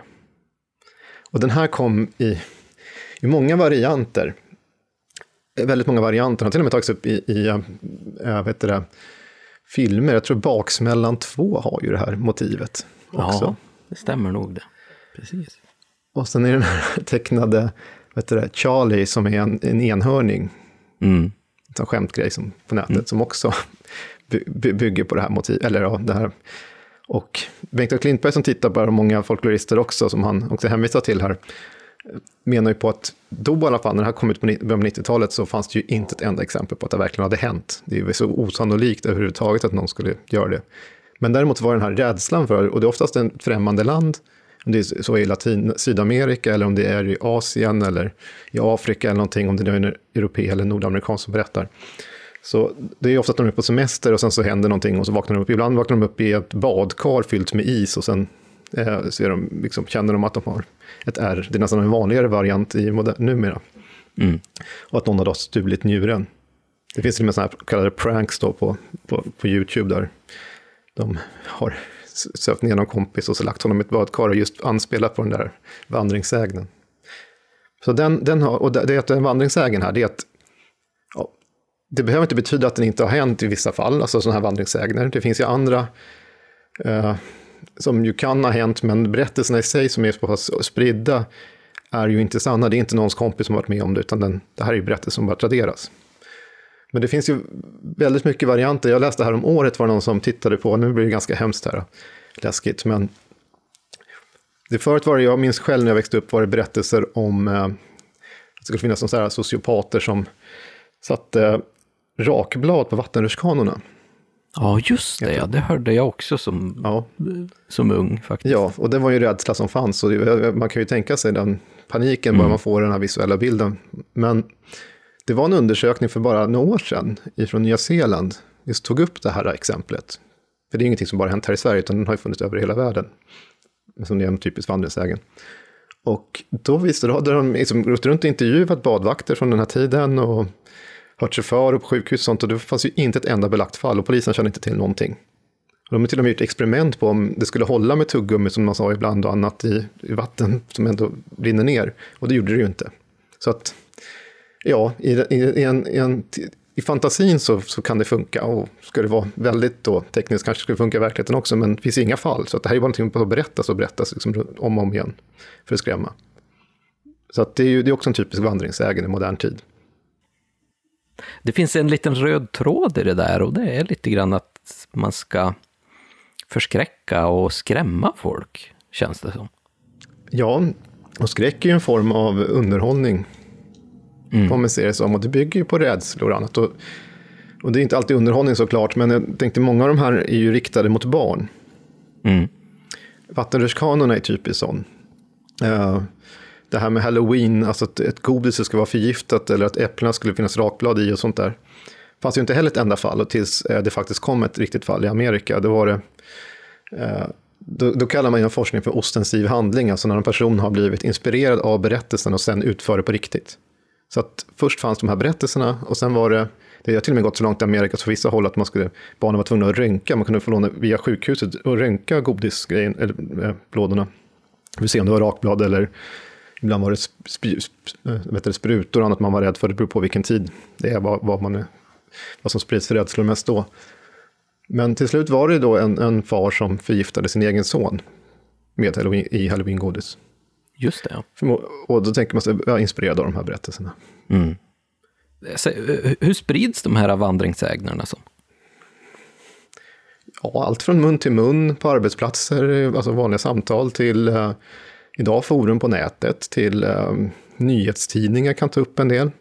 Jag vet att Bengt A. Klintberg hade i sina samlingar då, det här råttande pizzan och eh, glitterspray och den stulna njuren. Han använde sig mycket av eh, tidningar och rapporteringar i tidningar. Så en del kommer ju upp som nyheter i tidningar för att de inte har tid att faktagranska allting. Och det är ju så än idag. Jag menar, det finns ju en, han Jack Werner är ju väldigt duktig på det här som tittar på just också fake news och sånt. Att saker kommer lite för snabbt in i tidningarna ibland för att man har för bråttom. Och man kan inte alltid faktagranska och det är, det är så det funkar. Samtidigt som många, i alla fall nu har vi väl mer drillade i att vara lite kritiska, men förr tänkte man sig kanske att det som står i Expressen, Aftonbladet eller Dagens Nyheter eller vad man har för tidning, eh, ja, då står det där så är det sant. Om det visar sig att någon har varit utomlands och har en böld och sen eh, spricker den och det kommer ut massa spindlar överallt så, så tänkte man sig, det har säkert hänt, fast då kanske det var just en sån vandringssägen. Jag hörde faktiskt den berättas för inte så länge sedan. Det är ju samma sak eh, när man gick i skolan och den populära ungen drog en sån där eh, vandringsägen så ville man ju jättegärna tro på det och då sprider man ju gärna vidare också. Jo, och det typiska för de här är också att det är en vän till en vän. Det är ju inte en själv, det är inte ett memorat, utan då är det ju en, en, en ganska ospecifik person som varit med om detta. Så mm. var det ju också med clownerna som var här 2016, när det var oftast någons förälder eller något barn på en annan skola. Det var liksom aldrig nästan självupplevt.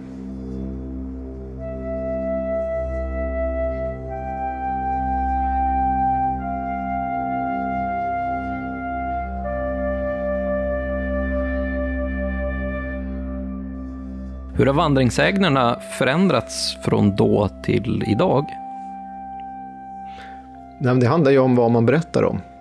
Mm. Och vad man är liksom fascinerad av, rädd för, önskar sig eller vad det nu är. De övernaturliga inslagen har kanske inte samma plats, alltså de finns ju där. Det finns ju om allt från utomjordingar till spöken till Jesus i buskar och allt vad det kan vara.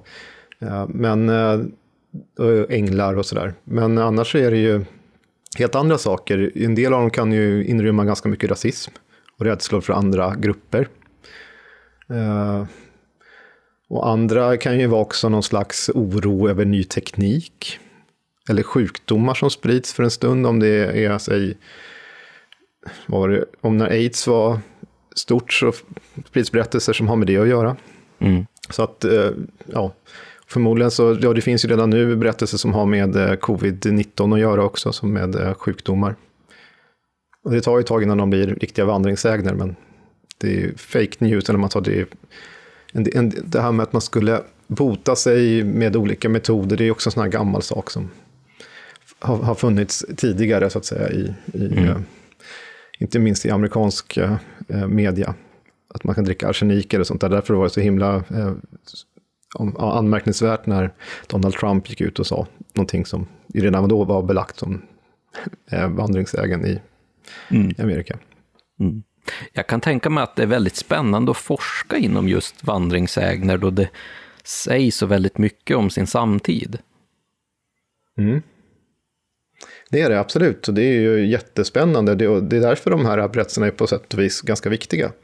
Mm. För det är, en, det är en dimension hos människan som ju sällan annars kommer kommer fram. Eh, I den här typen av berättelser får vi ju veta vad vanligt folk har tyckt och tänkt om saker och ting.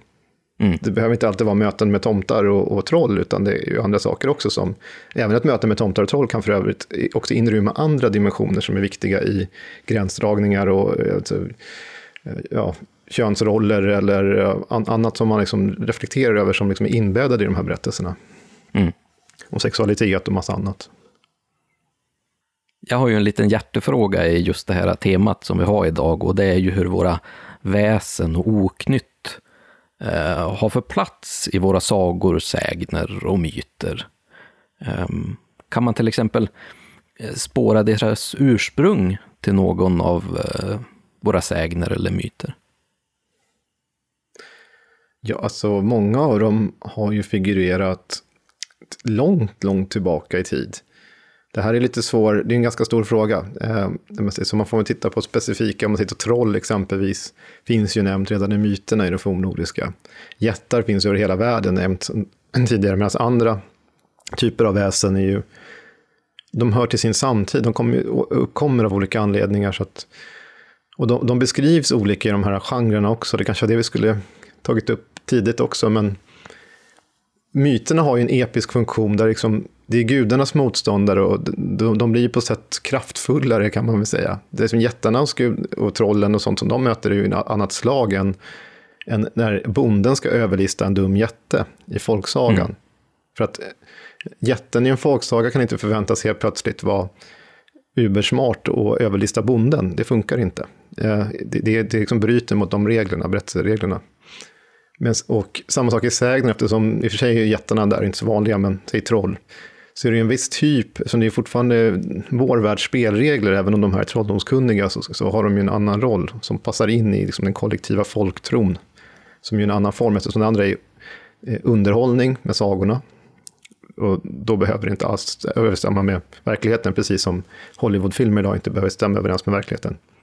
Och sen har du myterna som då eh, förklarar ursprunget till världens skapelse och att saker och ting har blivit som det har blivit. Och då har den har av naturliga skäl andra spelregler. Mm. Episka spelregler.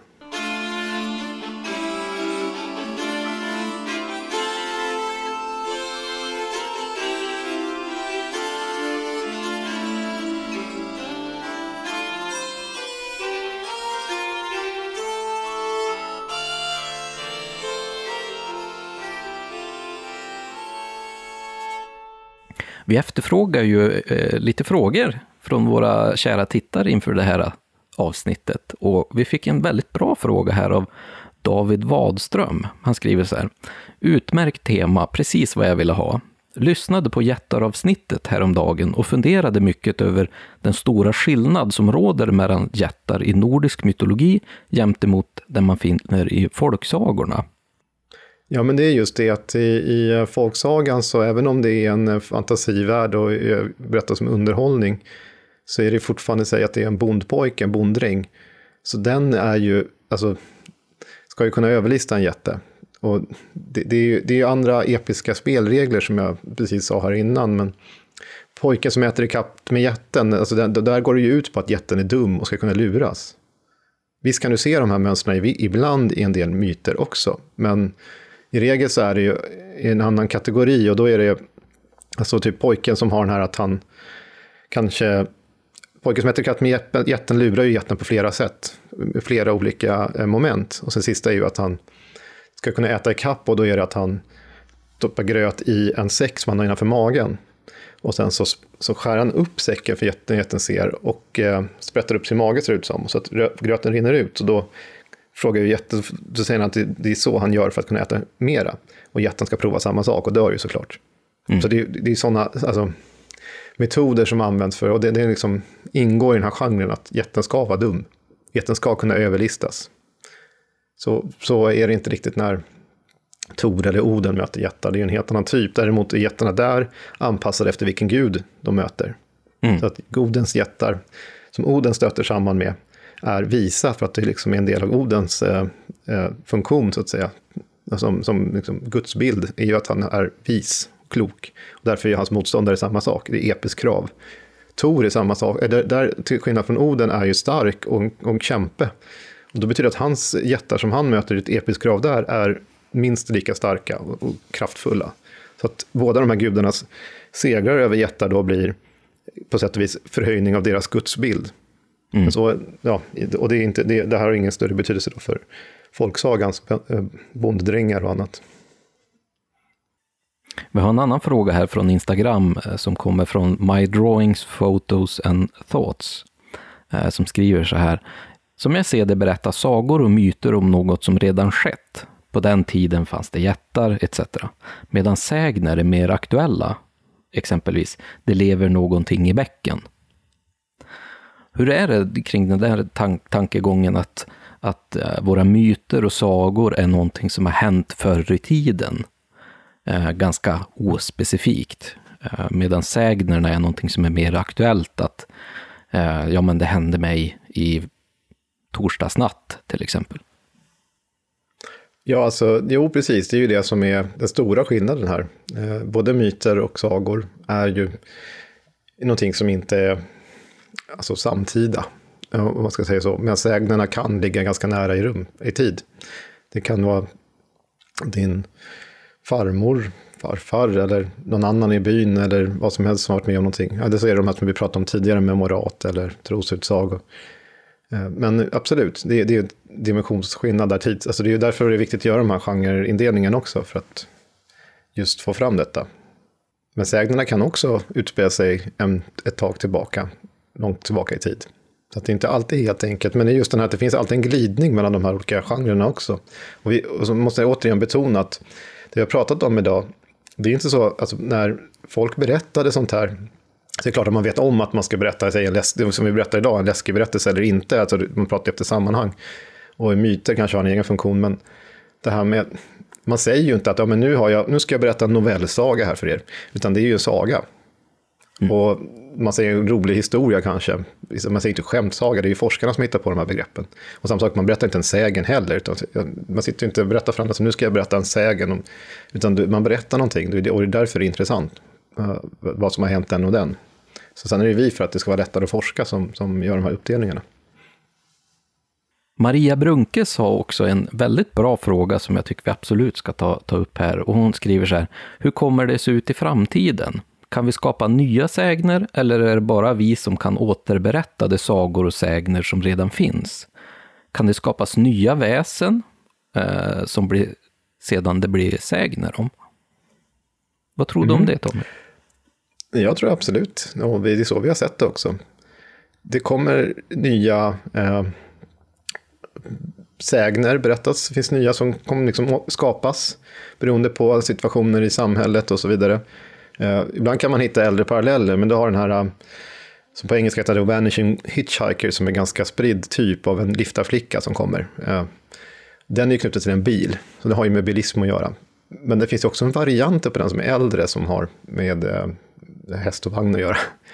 Eh, men det finns också det som är helt, helt nyskapade berättelser som ju har med, om vi tar det exemplet med att det här eh, rent rasistiska eh, rädsla för sig, nya folkgrupper som då anses vara primitiva enligt det här och som odlar potatis hemma eller har grisar som bökar runt i hemmen, i lägenheterna i städerna.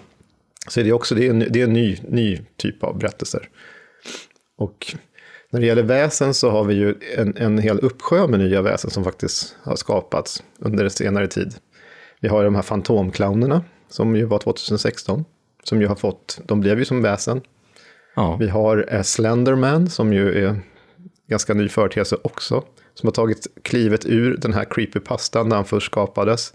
Till att man har vävt liksom en mytos man säger här, runt den här figuren. Och sen har den ju eh, traderats vidare. Så en, för de flesta kanske det bara är en rolig grej som en övning i, i skräckhistorier. Men det finns ju också de, inte, inte minst det här fallet där de här flickorna knivhögg en tredje. Och de hade ju bland annat då eh, sagt att det var Slenderman som fick dem att göra det. Sen att de också trodde att Lord Voldemort och sånt där var inblandade, eh, det togs inte upp i media. Och sen så har vi ju andra zombien, är ju ett, ett ganska modernt företeelse också. Den går ju tillbaka delvis i gengångare, men har ju mycket med smittor och annat att göra i modern tid. Så det är ju intressant. Eh, för zombien är ju ganska skild från sig eh, den gamla voodoo-traditionen eh, om från Västindien om, om eh, zombier som från början ska skapas av en trollkarl och så vidare.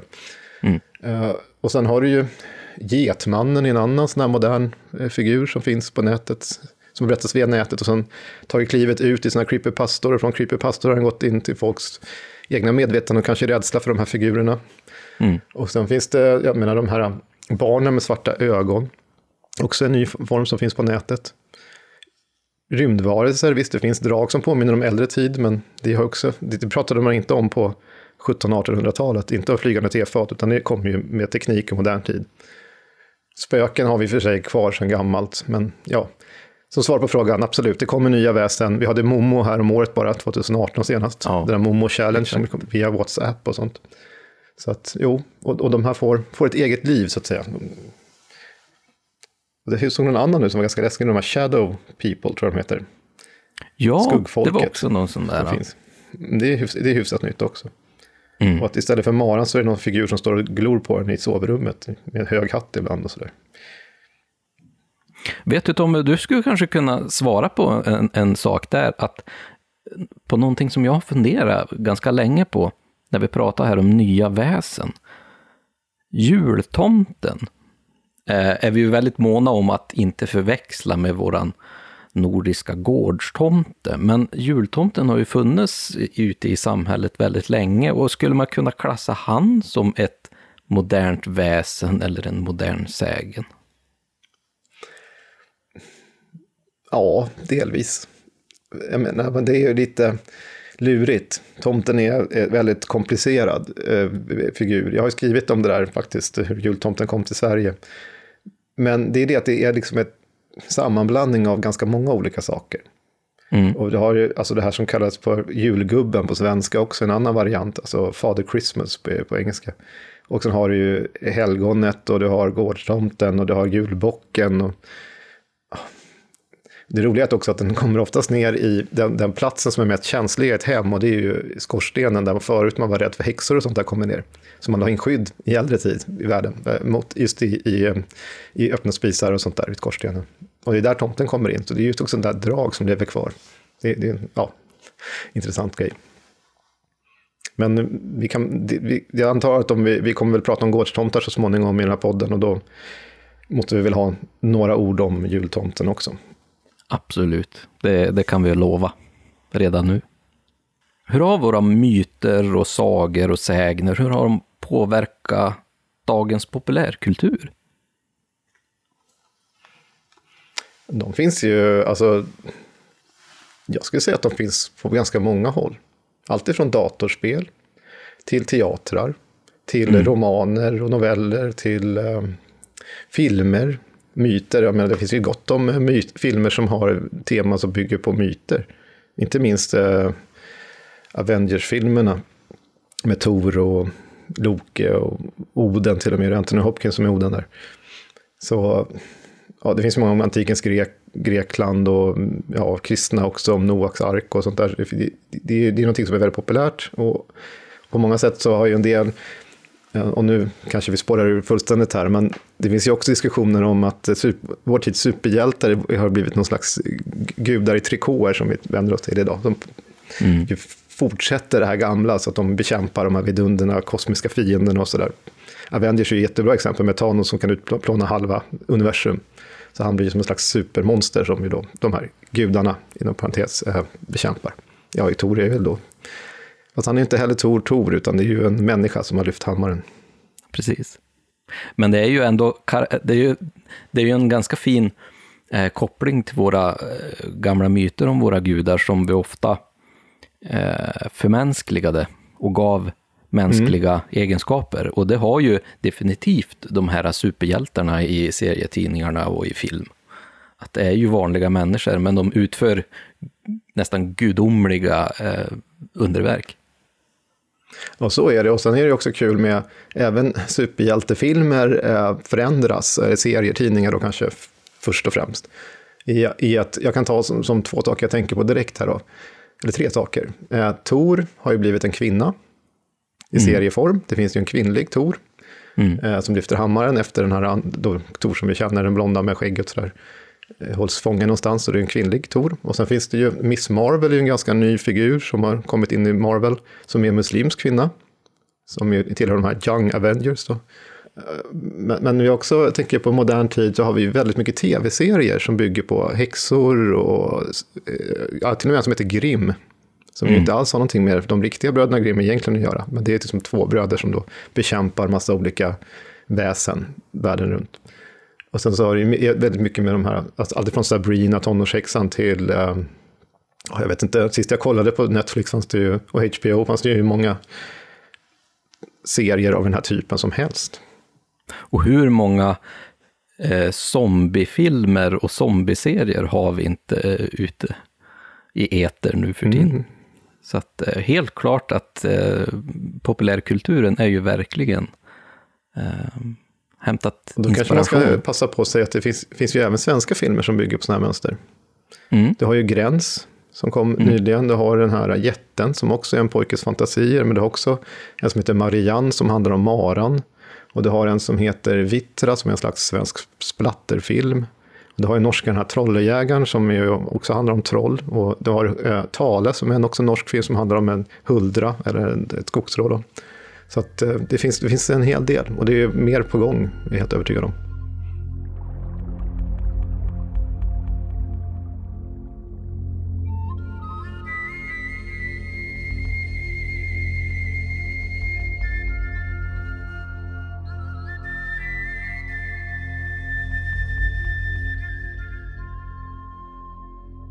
Ja, men Tommy, har vi några bra litteratur och boktips vi skulle kunna tipsa lyssnarna om?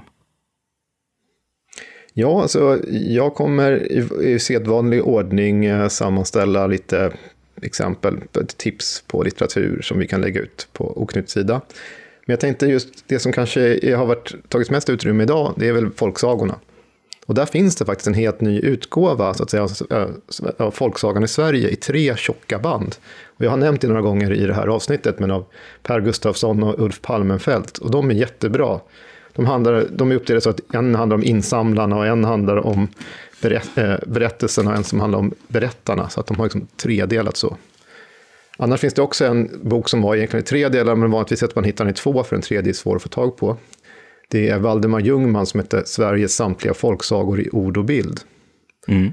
Och samma Ljungman har också, har också en som heter Sveriges sägner i ord och bild, som är, jag tror är sju delar som är bra. Annars har du ju också Bengt af Klintbergs den här Types of the Swedish Folk Legend, som är väldigt bra. Och vet du, Svenska folksägner som också Bengt af Klintberg har gett ut som är väldigt bra. Så det, det är väl sådana tips på rak arm. Sen är det myter finns det så himla mycket så att det är, ja, jag kan skriva ner några exempel där på. Det låter ju jättebra. Och eh, till exempel den här folksagan i Sverige är ju som sagt en nyutgåva så att den är väldigt lätt att få tag på. Men många av de här böckerna brukar vara lite svåra att få tag på då de är ganska gamla, de kanske inte trycktes i så stor upplaga. Men vi kan ju tipsa att eh, man kan söka till exempel på bokbörsen.se och sen har, finns det också en sida som heter antikvariat.net som är väldigt bra om man vill få tag på de här lite äldre böckerna.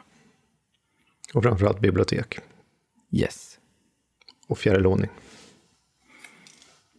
Vi valde ju det här temat myt, saga och sägen eh, lite tidigt här i början för att vi tycker att det är viktigt att kunna eh, lära sig om skillnaderna när vi pratar om just våra oknytt och våra sägner och olika berättelser och skapelsemyter. Ehm, men vad tycker du är mest spännande kring ehm, våra sägner och våra myter och varför är det viktigt att vi pratar om det här? Och återigen måste jag säga att det är berättelser om människan. Och det är en berättelsestruktur som liksom upprepas gång på gång. Och det, det, är väldigt, det är goda berättelser, många av dem, rakt av. Och de, de förtjänar att uh, berättas vidare i olika tappningar. Vi ser ju hur det som Disney gjorde med många folksagor är ju en, en, eh, man har ju, de, de blev ju oerhört populära, medan Snövit var ju någonting som de verkligen slog igenom med stort. Mm. Och Törnrosa också för den delen. Och även om de skiljer sig ganska mycket från de äldre varianterna så är det ju ändå intressant att se vad, är det som skiljer sig. För jag tror de flesta som idag bara har sett Disney och sen går till någon utgåva av Bröderna Grimm och framförallt om de går till en äldre som är mer osensurerad, för de censurerade själva sen, eh, kommer nog bli väldigt chockade. Mm. Men samtidigt är det ju det som är så himla spännande. Att, eh, jag menar, första Rödluvan så är ju, är ju vargen är en varulv som förgriper sig på henne. Bara en sån sak. Vad säger det om sin samtid? Varför är det så? Varför liksom har det förändrat? Och är det fortfarande intressant att prata om idag? Det är sådana saker som man kan diskutera. Det, det tycker jag också att det, det som är så otroligt intressant med just det här att vi får lära oss så mycket om hur människan tänkte, vad man värderade, hur man såg på andra människor och andra kulturer. Eh, och det återspeglas väldigt bra sin egen samtid. Och vi kan eh, lära oss så mycket av det. Och sen också där någonstans eh, är det någonting som vi förenas, mm. människan, mm. genom de här typerna av berättelser. För att eh, berätta sagor, myter och sägner för varandra är någonting som vi kan samlas kring och diskutera. Eh, hur det är att vara människa i, i en, i en, i en eh, svårbegriplig värld.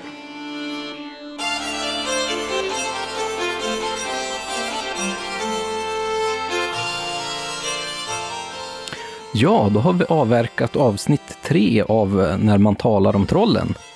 Eh, och vi vill tacka för alla underbara frågor som vi fick in till det här avsnittet.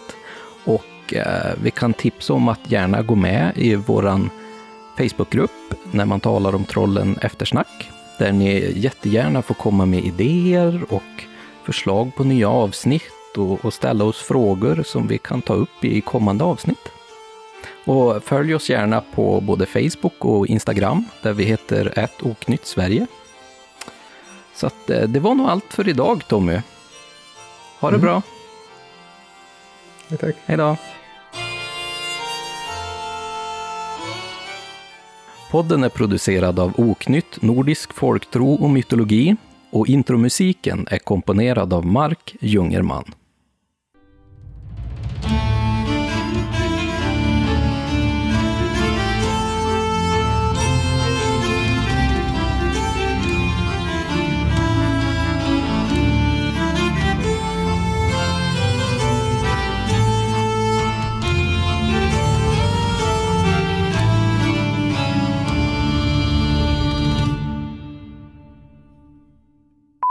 Vänta lite grann. Jag ska köra en här, podden är producerad av Oknytt, bla bla bla. Eh, så jag ska köra den. Ja.